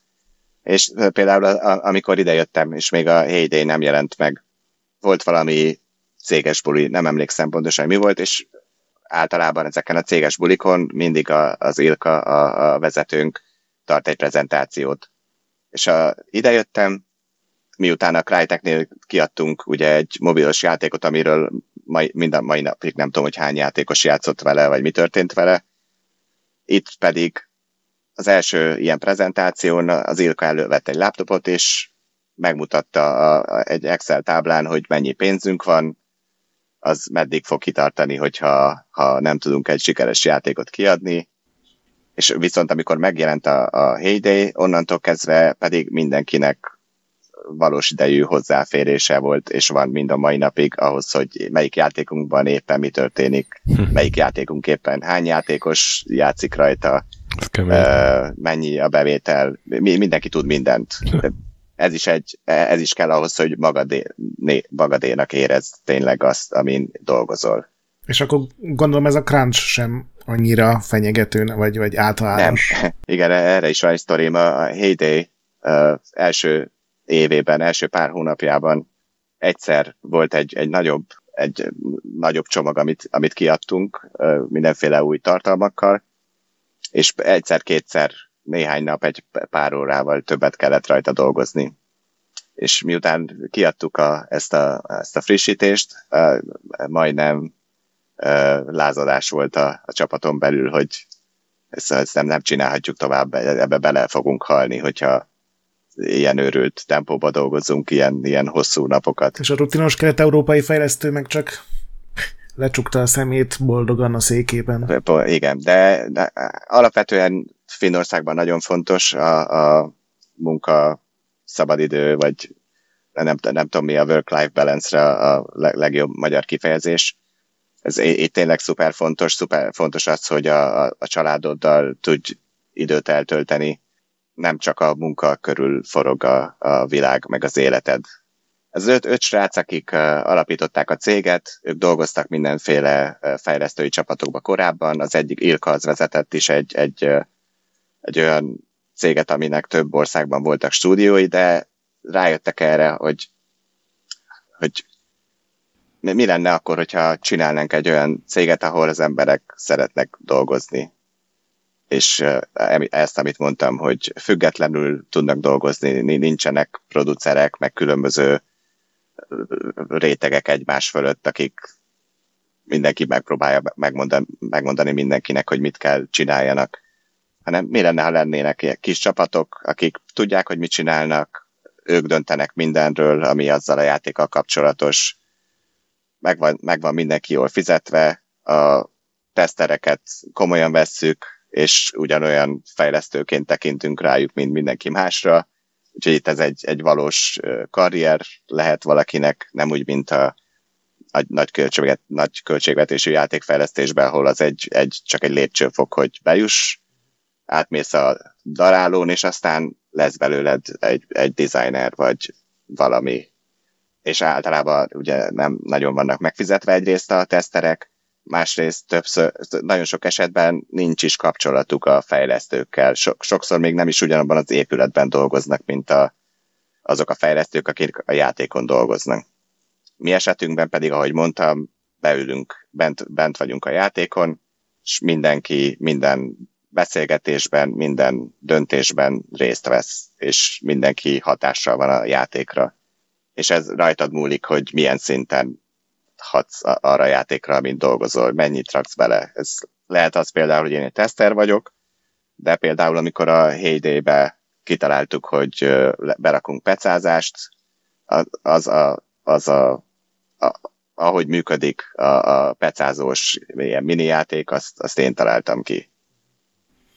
Azt akartam is kérdezni, hogy ez a felállás, ez sokkal több ilyen designeri beleszólást is enged, úgy tűnik a tesztelőknek, mert sokkal kisebb a csapat, és ő az első ilyen, nem tudom, nagy közönségnek a mini leképezése. Pontosan, mi, mi pont, pont így látjuk ezt, hogy mi, mi képviseljük a, a játékosokat részben, úgyhogy itt nem csak arról van szó, hogy, hogy csak be, beülünk az utolsó pillanatban, mielőtt, utolsó egy-két napban, mielőtt megjelenne a játék, vagy a frissítés, és akkor csak gyorsan hibákat riportolunk, hanem erről van szó, hogy ott vagyunk nagyon korán a, a fejlesztés kezdetétől fogva egészen a végig a játék életciklusán keresztül, és mindent, épp ezért mindent egyrészt megtanulunk a játékról, tudjuk, hogy mi miért történik, és nagyon nagy ráhatásunk is van arra, hogy, hogy merre halad a játék, meg mi, mi történik benne.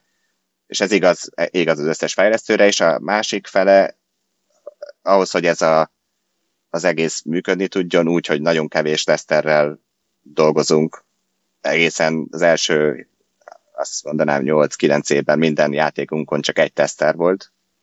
Most jutottunk el oda az elmúlt években, hogy elkezdtünk két, két tesztelővel dolgozni néhány játékon ehhez az is kell, hogy a, a minőség mindenkinek az egyik fő szempont kell legyen. Tehát a, a programozók mindenki tesztelik a, a saját dolgaikat, mielőtt betolnák a játékba.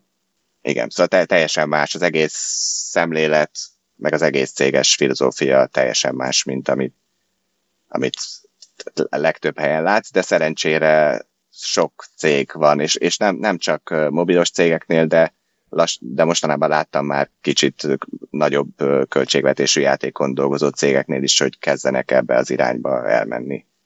Igen, most jött ki ugye a Psychonauts dokumentum, Psychonauts 2 uh-huh. dokumentumfilm, és ott is ez egy elég fontos szerepet kap, meg az egyik részben a egész dráma e körül van, igen, hogy igen, igen. mennyire működik ez, meg hogy, hogy lehet ezt szervezni. Igen, ez, ez, ez abszolút nagyon, nagyon másképp működik. Nagyon nagy kontraszt van a különböző cégek meg a, a mentalitás között, de egyre több kisebb és nagyobb cég is megy, megy el ebbe az irányba. Beszélgettem nem olyan rég a Private Division, ami a, a 2K Games-nek a, az egyik uh, alvállalata, uh, akik AA és AAA játékokon dolgoznak, és ott, ott beszélgettem a, a, a tesztel, tesztelőknek a vezetőjével, és ők is próbálnak ebbe az irányba elmenni valamennyire, mint amit körülbelül, mint amit mi, mi csinálunk itt. És egy teljesen más jellegű, valószínűleg sokkal ostobább kérdés. Eszembe jutott, hogy ugye ti mobiljátékokban dolgoztok, ez gyakorlatilag mit jelent, hogy hányféle mobiltelefonon kell letesztelni, kipróbálni egy játékot meg? Ja, abszolút, abszolút jó, jó kérdés.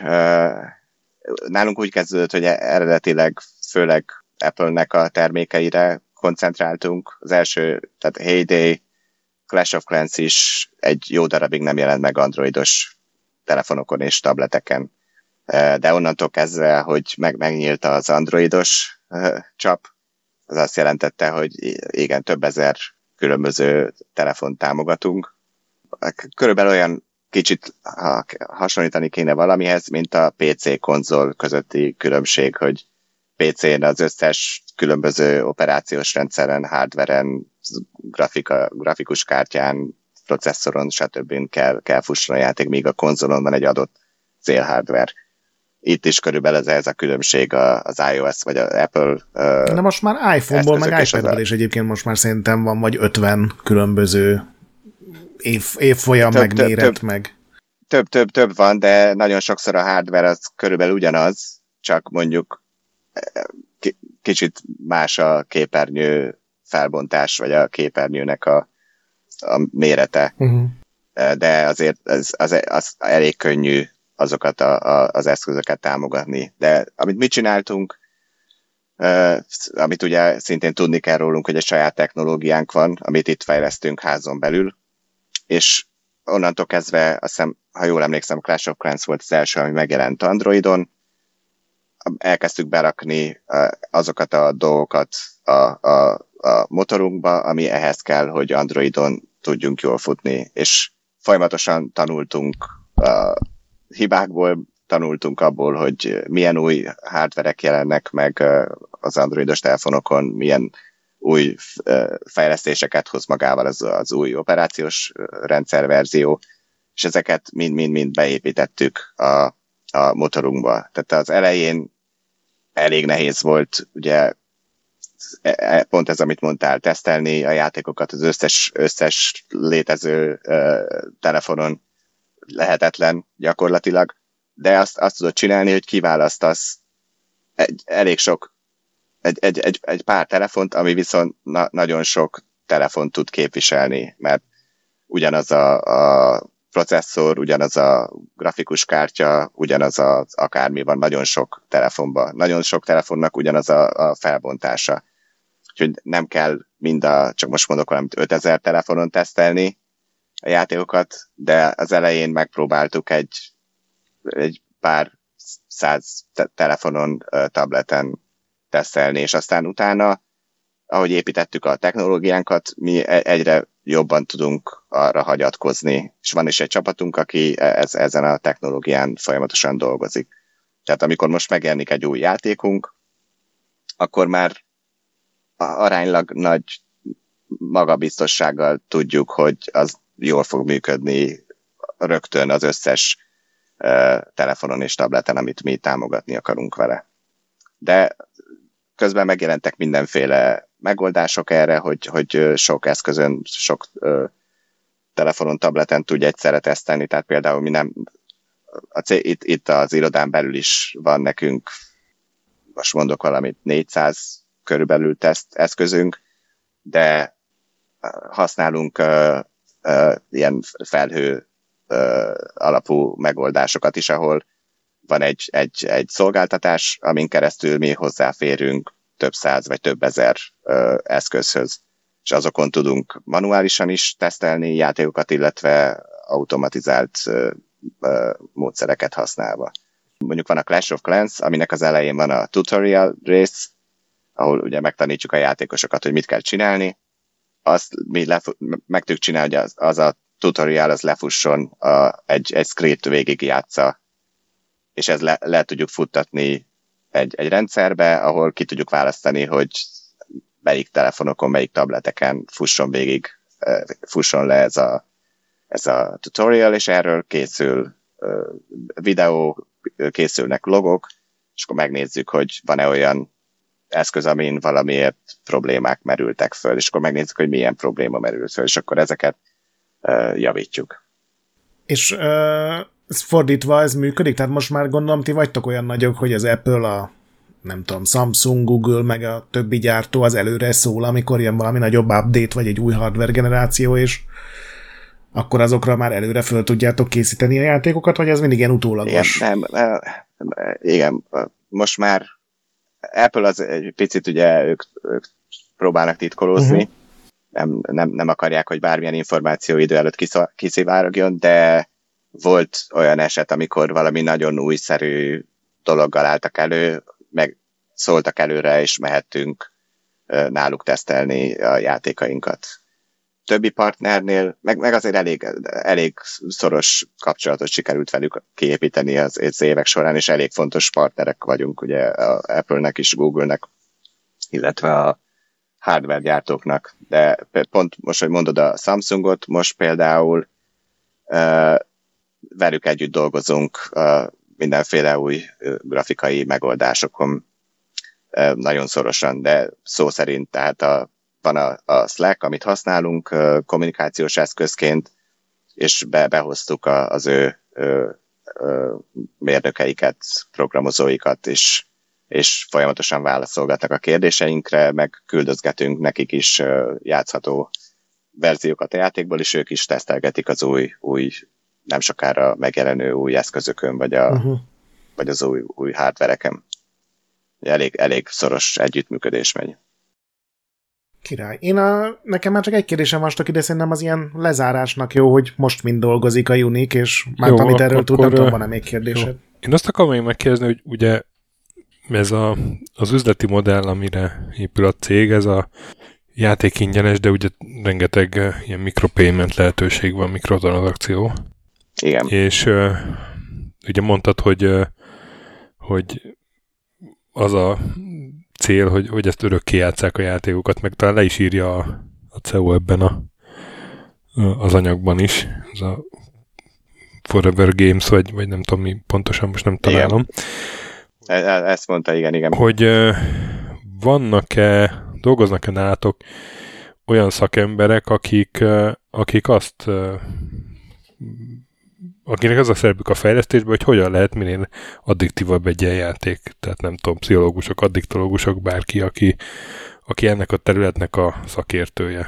Hogy hogyan lehet minél jobban rákattantani a, az ember. Ugye vannak ilyen sztorik, hogy a Blizzardnál dolgozott ilyen, vagy biztos még dolgoznak most is World of Warcraft, eh, amikor készült. Mobi játékoknál van-e ilyen, vagy nálatok? Nem, van, van sok olyan játékfejlesztő, csapat, ahol nem, nem vagyok benne biztos, hogy pontosan ilyen eszközöket használnak-e, de például a, az a rengeteg adat, amit gyűjtünk a játékosokról, arról, hogy hogy játszanak, mit csinálnak. Uh-huh. Vannak olyan játékfejlesztők, ahol ez, ez vezérli a játékfejlesztést. Ezt nézik, van, vannak az úgynevezett data scientistek, uh-huh. az adat ö, elemzők, és, és erre hagyatkoznak, hogy ők mit gondolnak, hogyha mit kell csinálni a játékban ahhoz, hogy minél többen, minél többet Aha. költsenek, vagy, vagy ilyesmi. Nálunk ez fordítva megy. A, a, ahogy mondtam, ténylegesen az elsődleges szempont, hogy csináljunk egy, egy, egy, egy jó játékot, amit élvezet játszani, amiben a játékosok szívesen megmaradnak. És persze nézegetünk mi is olyan dolgokat, hogy hogy, hogy játszanak, mit csinálnak, minden, minden egyes fejlesztő csapatban van egy ilyen, egy ilyen adatelemző, vagy több is, meg használunk mi is. Most már mindenféle ilyen machine learning megoldásokat, de ne, ezt arra használjuk, hogy például a, van a Clash Royale című játékunk, ahol mindenféle egységek harcolnak egymás ellen, és hogy hogyan a, a, az egy, különböző egységeknek a, a balancolását, az hogyan csináljuk, hogy ne legyenek túl ópik, vagy ne legyenek túl gyengék, hasonlók, és e, ilyenekhez használjuk föl ezeket az eszközöket. Tehát, és, és, és amikor azt látjuk, voltak olyan esetek például, amikor a Heyday fejlesztésénél volt ez, a játékosok ugye vásárolnak egy, egy valamilyen valutát, ami ebben az esetben uh, gyémánt, amivel tudják felgyorsítani a játékban a különböző folyamatokat.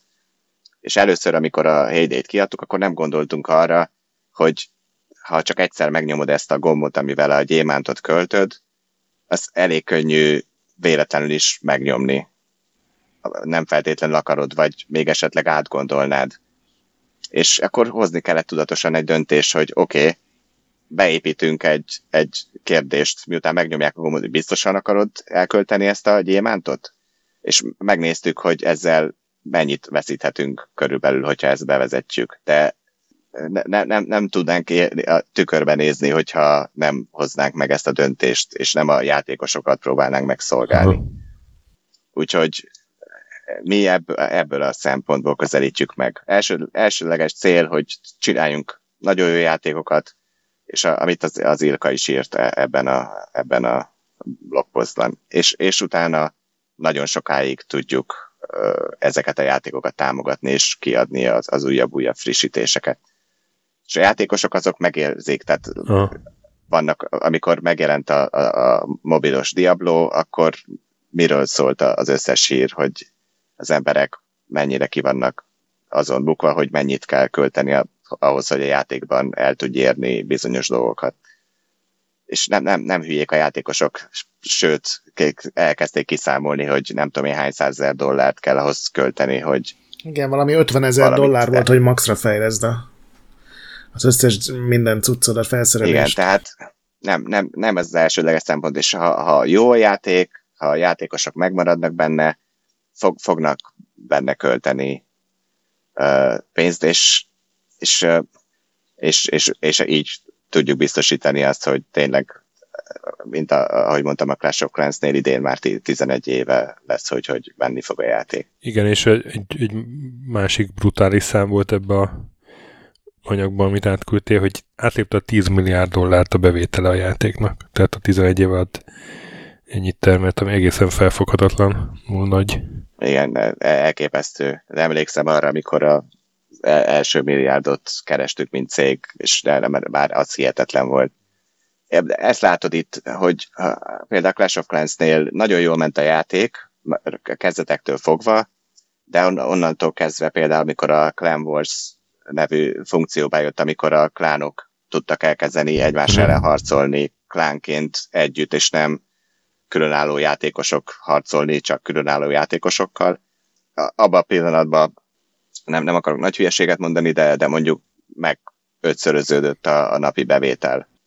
És mi nem ezen dolgoztunk, hogy megötszörözzük a uh-huh. napi bevételt, azon dolgoztunk, hogy behozzunk egy olyan feature-t, ami, amit nagyon szeretni fognak a játékosok. És elképesztő eredményeket hozom. És a, e, mind a mai napig a leg, leg, legsikeresebb játékunk, de ez a célunk, ez, ez is vezérel minket, hogy megpróbáljunk egy még jobb, még, még sikeresebb játékot összehozni. De azt, azt azért... És, igen? Bocs. Mondjad. Mond, mond, mond. Hogy azt jól érzem, hogy, hogy azért van egy folyamatos kemény marketing kampánya is a, a játékaitoknak. Vagy rosszul gondolom ezt, mert, mert időről időre folyton bele lehet botlani a, a Clash Royale-ba például. Mennek, mennek marketing kampányok, de vagy, e, vagy, vagy ezen nem múlik semmi, ez csak így... Nem, nem, múlik rajta, tehát fontos a user acquisition, abszolút, de nekünk kialakult egy, egyrészt egy rajongói tábor, tehát ha mi kiadunk egy, egy új játékot és elkezdjük tesztelni valamilyen Aha. országban, garantáltan rögtön nagyon sokan elkezdik. És, uh, és organikusan, nagyon, folyamatosan nagyon sok játékos jön be a mi játékainkba. Szóval vannak olyan játékműfajok, ahol jobban működik ez, hogy organikusan be tudj hozni játékosokat, és főleg abban az esetben, ha valami újszerűt tudsz összehozni, ami még akkor is, hogyha valami jól működő, bevált témára, vagy valami ötletre építesz fel egy új játékot, de ha hozzáadsz valami új plusz megoldás, vagy valami új, új dolgot hozzá tudsz adni, akkor az, azzal könnyebben be lehet organikusan is hozni a játékosokat, anélkül, hogy meg kellene vásárolni őket mindenféle hirdetéseken és egyéb megoldáson keresztül. De vannak olyan, olyan műfajok, mint például a, ezek a Match 3 puzzle jellegű játékok, mint a Candy Crush szaga, Igen. Meg a, a társaik. Az, az egy olyan nehéz műfaj, amiben, ahol nagyon nehéz labdába rugni, mert ott nagyon erősen azon múlik, hogy, hogy mennyi pénzt tudsz költeni a játékosokra, és mivel nagy a konkurencia harc, ezért nagyon sokba is kerül egy-egy ilyen hirdetés, sokkal többe, mint mondjuk, ha a Clash Royale-t hirdetjük. Úgyhogy mi, mi próbálunk erre építeni, hogy minél többen, minél több játékos bejöjjön magától, azokat meg tudjuk tartani, illetve hogyha valamiért abba hagynak játékot, akkor ki tudjunk találni valami olyan dolgot, amivel vissza tudjuk őket hozni a játékba. Valami új fejlesztést, valami új játékmódot. De persze, költeni kell pénzt, és a, főleg az elején, amikor egy játékunk megjelenik, akkor na, nagyon komoly pénzeket tőlünk marketing kampányba. De olyat már nem, nem csinálunk, mint a pár éve például ugye a Super Bowl-on volt uh, reklámunk, ami abban az évben az egyik leg, hát leg igen, igen, ezért is jutott eszembe. reklám is van. igen, tehát voltak ilyen esetek, költ, költünk elég sok pénzt, de azt mondanám, hogy nagy része az a, egy a játék megjelenése után lesz elköltve, utána jó, mi azt, azt mondanám, jóval kevesebbet költünk marketingre, mint egy, egy más Aha. műfajban jelenlévő más, másmilyen fejlesztő. És ez, ez, ez, ez, is, ez is egy olyan dolog, amit figyelnünk kell akkor, amikor megjelenünk egy új játékkal. Lehet, például van az Everdale című játékunk, amit tavaly teszteltünk, mindenki imádta a cégen belül, az a csapat nagyon nehezen tudta csak elengedni, amikor meg kellett hoznia nekik a döntést, hogy, hogy, hogy, hogy kaszáljuk a játékot, de azt láttuk, hogy ne, nem annyira jöttek be maguktól a játékosok, és, és hogyha user acquisition-nel reklámokon keresztül próbáltuk őket behozni, nagyon sokba került. Úgyhogy e, nekünk ez egy, ebben a formátumban ez egy közepes méretű játék lett volna maximum, de mivel az, ez is benne van a cikkben, vagy a, az Ilkának a, az összefoglalójában, hogy van már egy csomó cég is, akiben mi befektettünk, kisebb cégek, akik úgymond a cégcsoportnak, a, a, vagy a, a, a cégcsaládnak a, a tagjai lettek azóta.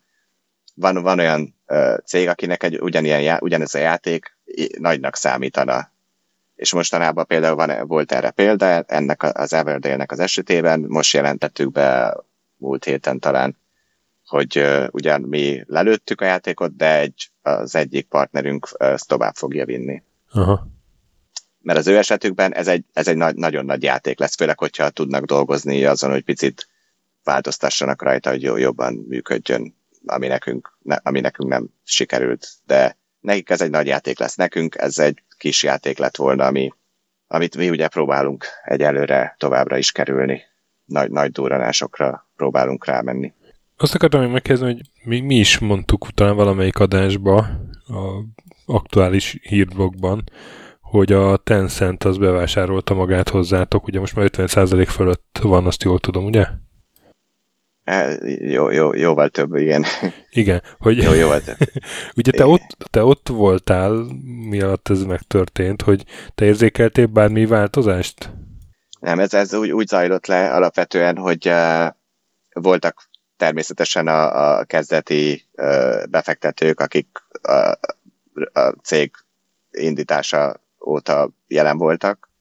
Volt többféle ilyen befektetői kör, de aztán egyszer csak stabilitásra próbáltak rámenni az alapítók, de ezt úgy akarták elérni, hogy találjunk egy olyan partnert magunknak, aki hosszú távon gondolkozik, aki esetleg még tud is nekünk segíteni abba, hogy elérjük azt a célunkat, hogy a, a, mindenhol a világon népszerűek legyenek a játékaink, és mindezt úgy elérni, hogy a, két fontos szempont volt.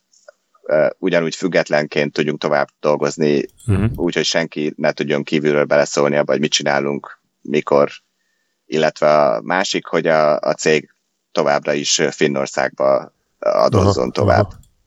És ekkor sikerült megtalálni a Softbank nevű japán céget, ez volt talán 2014-ben, 13-14-ben, és ők, ők szálltak be, ők, ők kivásárolták a, a többi kezdeti befektetőket, és ők azt hiszem 51%-ba lettek a, a cégnek a tulajdonosai. Aha. És úgy tűnt a, a céget vezető, nem emlékszem, hogy mi a neve. Mori, Mori nem? Ők szívták be nagyon azzal a V, mi volt a neve annak a cégnek, akik ilyen Amerikában a Vikres volt róluk a dokumentumfilm. Igen, igen, igen, igen. Millió dologba fektettek be, és nem, nem emlékszem, nem jut eszembe a neve, de az a lényeg, hogy neki egy 300 éves terve van a, ennek a fickónak, aki vezeti a céget.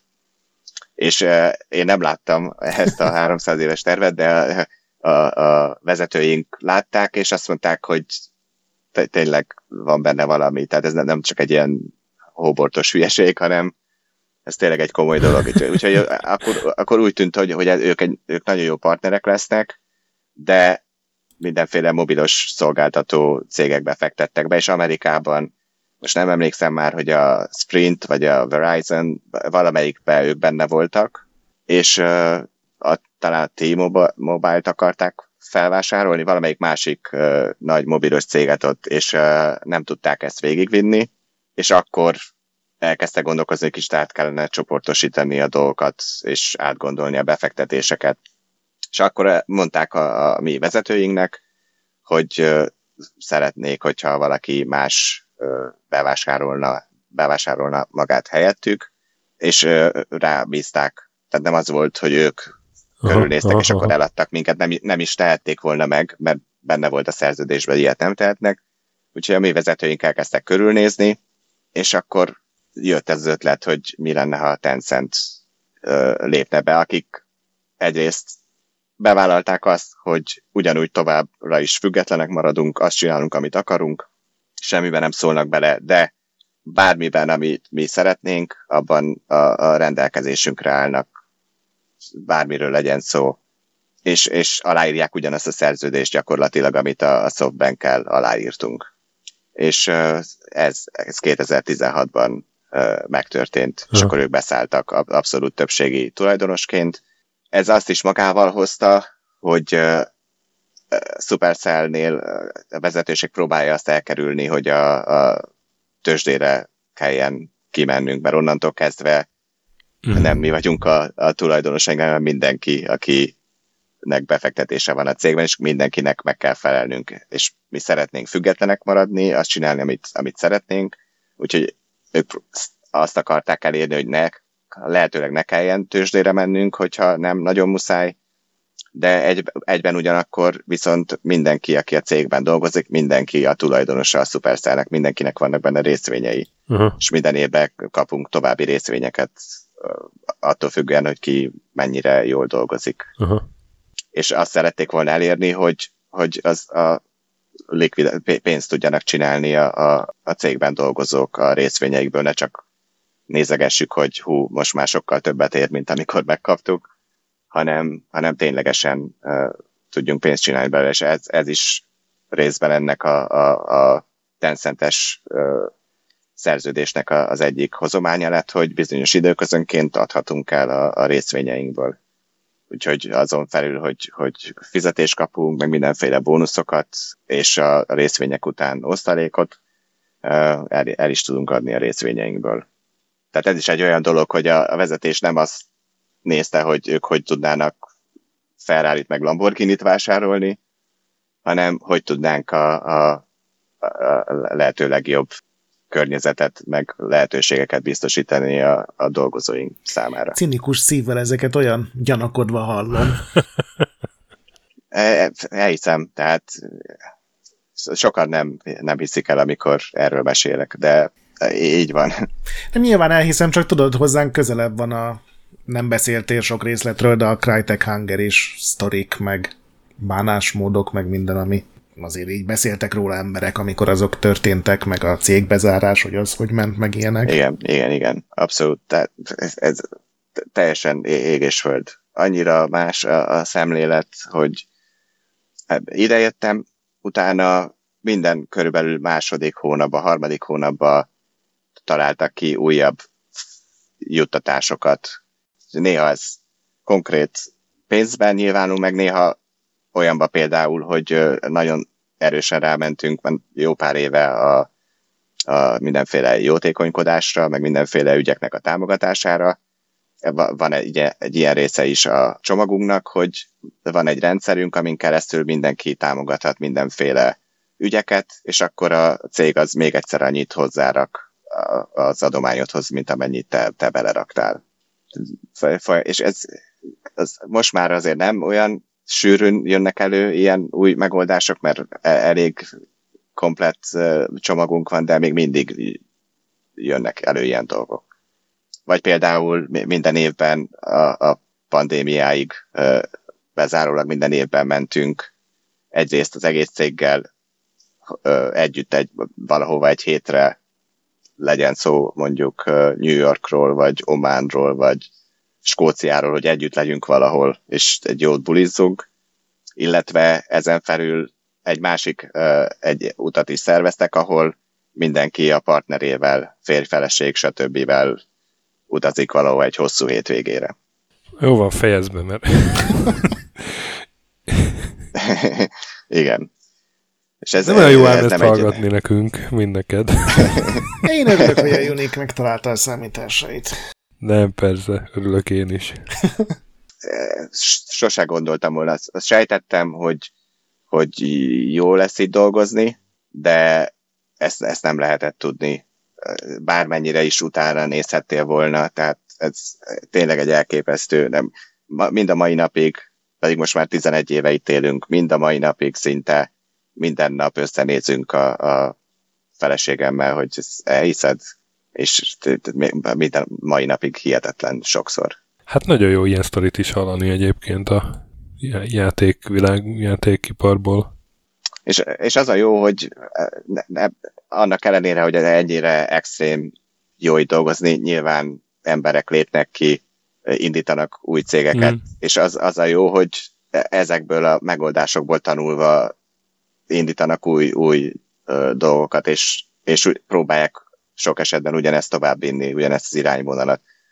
Ennek köszönhetően nő ki egy, egy, egy, egy csomó, csomó hasonló cég mostanában. Meg ugye Ilka, meg, meg egy csomóan a, a Supercellből járják a mindenféle konferenciákat, és akkor ők a GDC-n, meg, meg a hasonló helyeken mesélnek arról, hogy mi, hogy csináljuk a dolgokat és ebből is tanulnak máshol, főleg azt látva, hogy emellett mi mennyire sikeresek vagyunk, elgondolkoznak azon, hogy lehet, hogy lehet így is csinálni. Ez, ez, ez egyik leg, legjobb mellékhatása, úgymond ennek az egésznek, amit mi itt csinálunk, hogy ez kezd picit elterjedni, és nem, nem egyedül a Supercell ilyen, hanem, hanem vannak más cégek is. Igen, de ez nyilván az is kell, hogy legyenek bazi sikeres játékok, és akkor ezzel nagyon ravaszul rá is vezetlek az utolsó kérdésre, hogy tudsz-e valamit mondani, hogy például te most mind dolgozol egy már megjelent játékon, vagy valami szuper titkos dolgon, akár azokra a Samsung hardverekre, amiket mondtál, vagy erről lehet-e bármit tudni, vagy ez mind ultra nagy titok? Hát, szuper gyorsan csak elmondom, ugye a Heyday-en kezdtem, utána volt ez a játék, amit lelőttünk, utána a Clash Royale-en dolgoztam egy pár évig, és miközben a Clash Royale-en dolgoztam, az a srác, aki felvetít ide engem, és aki vezette a csapatot, ő a Clash of Clans-en dolgozott sokáig, ő úgy döntött, hogy, hogy kilép. Ő engem javasolt, hogy átvegyem az ő pozícióját, mint, mint vezető teszter. És uh, én onnantól kezdve akkor rájöttem, hogy ha én ezt jól akarom csinálni, és látva azt is, hogy ő azért valamennyire kiégett azáltal, hogy egyszerre volt vezető tesztel, és, és ő volt a legnagyobb játékunkon a, a tesztelő is egy, egymagában.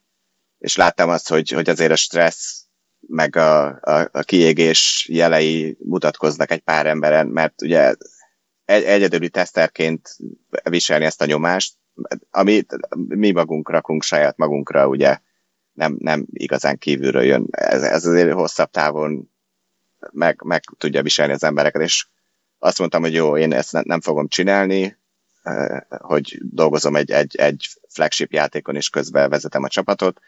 Én találtam valakit a helyemre, és onnantól kezdve elkezdtem erre koncentrálni, hogy hogy tudnám támogatni gyakorlatilag nem, nem, nem akarom azt mondani, hogy vezetni a csapatot, mert szuperszellen belül mindig mindenki tudja, hogy mit kell csináljon. Ugye mindenki önállóan dolgozik, mindenki proaktív, tehát nem kell megmondani senkinek, hogy most ezt csináld, azt csináld, hanem én azon dolgozom azóta, hogy próbálom a lehető legjobb környezetet, eszközöket, megoldásokat biztosítani a teszter csapatnak. És akkor ennek lett a hozománya például az, hogy ami, amint a cég egy picit el, elmozdult abba az irányba, egy picit jobban hajlandóak vagyunk ö, növekedni, akkor rögtön mondtam, hogy jó, ez az egy teszteres megoldás működhet, de jobb lenne, hogyha mégis két ember lenne, megoszlanának egy picit a, a munka, meg, megosztaná egy picit a munka, illetve egyszerűbb lenne Szabira menni, vagy, vagy ha beteg vagy, akkor van valaki, aki helyetted ott rögtön be tud ugrani, stb. stb. És e, e, ezt csinálom az elmúlt négy évben, hogy, hogy, hogy próbálom a csapatot támogatni, és mindenféle megoldások előjönni, meg persze beszélgetni velük, és akkor együtt kitaláljuk, hogy mit kéne csinálni, és e, e, meséltem nektek, ugye nem tudtuk összehozni múltkor a beszélgetést, az, az év elején uh, San Franciscóba mentünk a csapattal egy hétre, ott van az irodánk, meglátogattuk az irodát, illetve, illetve kitaláltuk, hogy ebben az évben milyen uh, célokat szeretnénk elérni, milyen új megoldásokat behozni. És akkor innentől kezdve én ezen dolgozom részben, hogy ezeket megvalósítsam. Na jó, de mi lesz a következő játék?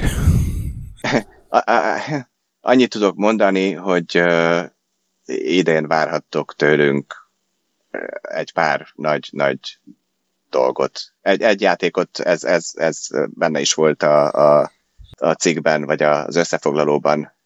Egy játékot tesztelünk most egy, egy zárt béta keretén belül csak meghívott játékosok egy pár országban abban bízom, hogy az, az a játékunk az, az meg fog jelenni világszerte remélhetőleg.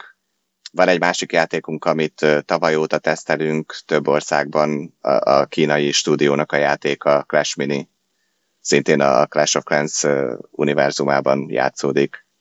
Remélem, hogy, hogy abból lesz valami, és azt tudom mondani, hogy van még egy pár uh, új játék a tarsolyunkban, amiben aminek nagyon drukkolok, hogy, hogy minél hamarabb meg tudjuk mutatni a játékosoknak. És most megpróbálunk elmenni abba az irányba, hogy ne csak négy évente adjuk, tudjunk kiadni egy, egy új játékot, hanem egy-két évente ki, ki tudjunk hozni egy-egy nagyobb durranást. Úgyhogy most ez, ez a helyzet alapvetően. Hát Tibor, nagyon szépen köszönjük, hogy ezt mind elmondtál, és én nagyon örülök, hogy a sorsod ilyen jóra fordult. Bár mondjuk az is vicces volt, amikor a cirkuszban voltál hopmester, vagy mi voltál ott? Hip-hop mester voltál. Oh. Wow. Igen. Igen. Köszönöm. Köszönöm szépen. És abszolút nagyon örülök. 70-es évek óta szerettem volna egy podcastben szerepelni. Köszönöm nektek, hogy ez, ez az álmom végre valóra válhatott. Ti pedig, kedves hallgatók, legközebb is maradjatok velünk, amikor, ha jól számolom, egy minion, és utána egy checkpoint now. És addig is játszatok sokat, meg mentsetek a boss fightok előtt, meg eh, próbáljátok ki ezeket a mobil játékokat, amiket a Supercell csinált. Gyertek velünk Discordra, ahol tök jó társaság van. Mm, értékeltek minket iTunes-on és Spotify-on. Lehetőleg ott csillagra. Olvassatok Retroendet, ahol napi kontent van, hallgassatok Képtelen Krónikát, ami a másik podcastünk, és mostanában egész virulens. A BIOS ne piszkáljátok, a fantasmagorillákkal vigyázzatok, a nagy pixel pedig még mindig gyönyörű. Sziasztok! Sziasztok! Sziasztok!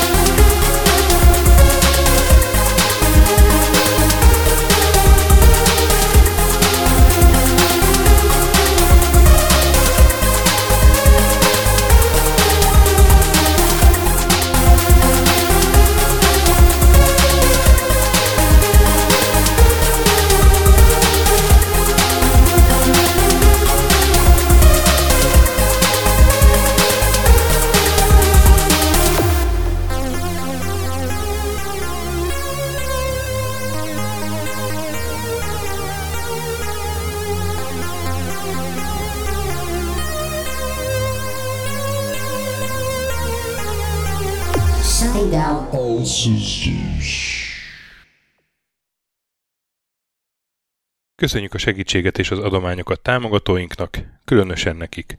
Andris 1 2 3 4 5 6, Pumukli, Bastiano Coimbra de la Colonia az Védó, Kis András, Dester, Joda, Kínai, Gatz, Hanan, Zsó, Desis Chickens, Gabez McCollis, Sir Archibald a Réten, Módi, Benő 23, Zorkóci, Alternistom, Retro Station, Hunter XXL, Nobit, Sogi, Shiz, CVD, Tibiur, Bert, Kopescu, Krisz, Ferenc, Joff, Edem, Kövesi József, Varjagos, Zsiga Bálint, Loloke, Snake Hills Boy, Csépé, Márton úr, Flanker, Kovicsi, Hollósi Dániel, Balázs, Zobor, Csiki, Suvap, Kertész Péter, Rihárd V, Nyau, Vitéz Miklós, Huszti András, Vault 51 Gamer Bar, Péter, Daev, Enisi, Csalazoli, Veszti, Makai Péter, Mongúz, Beranándor, Arzenik, Nagy Alexandra, Andrew Boy,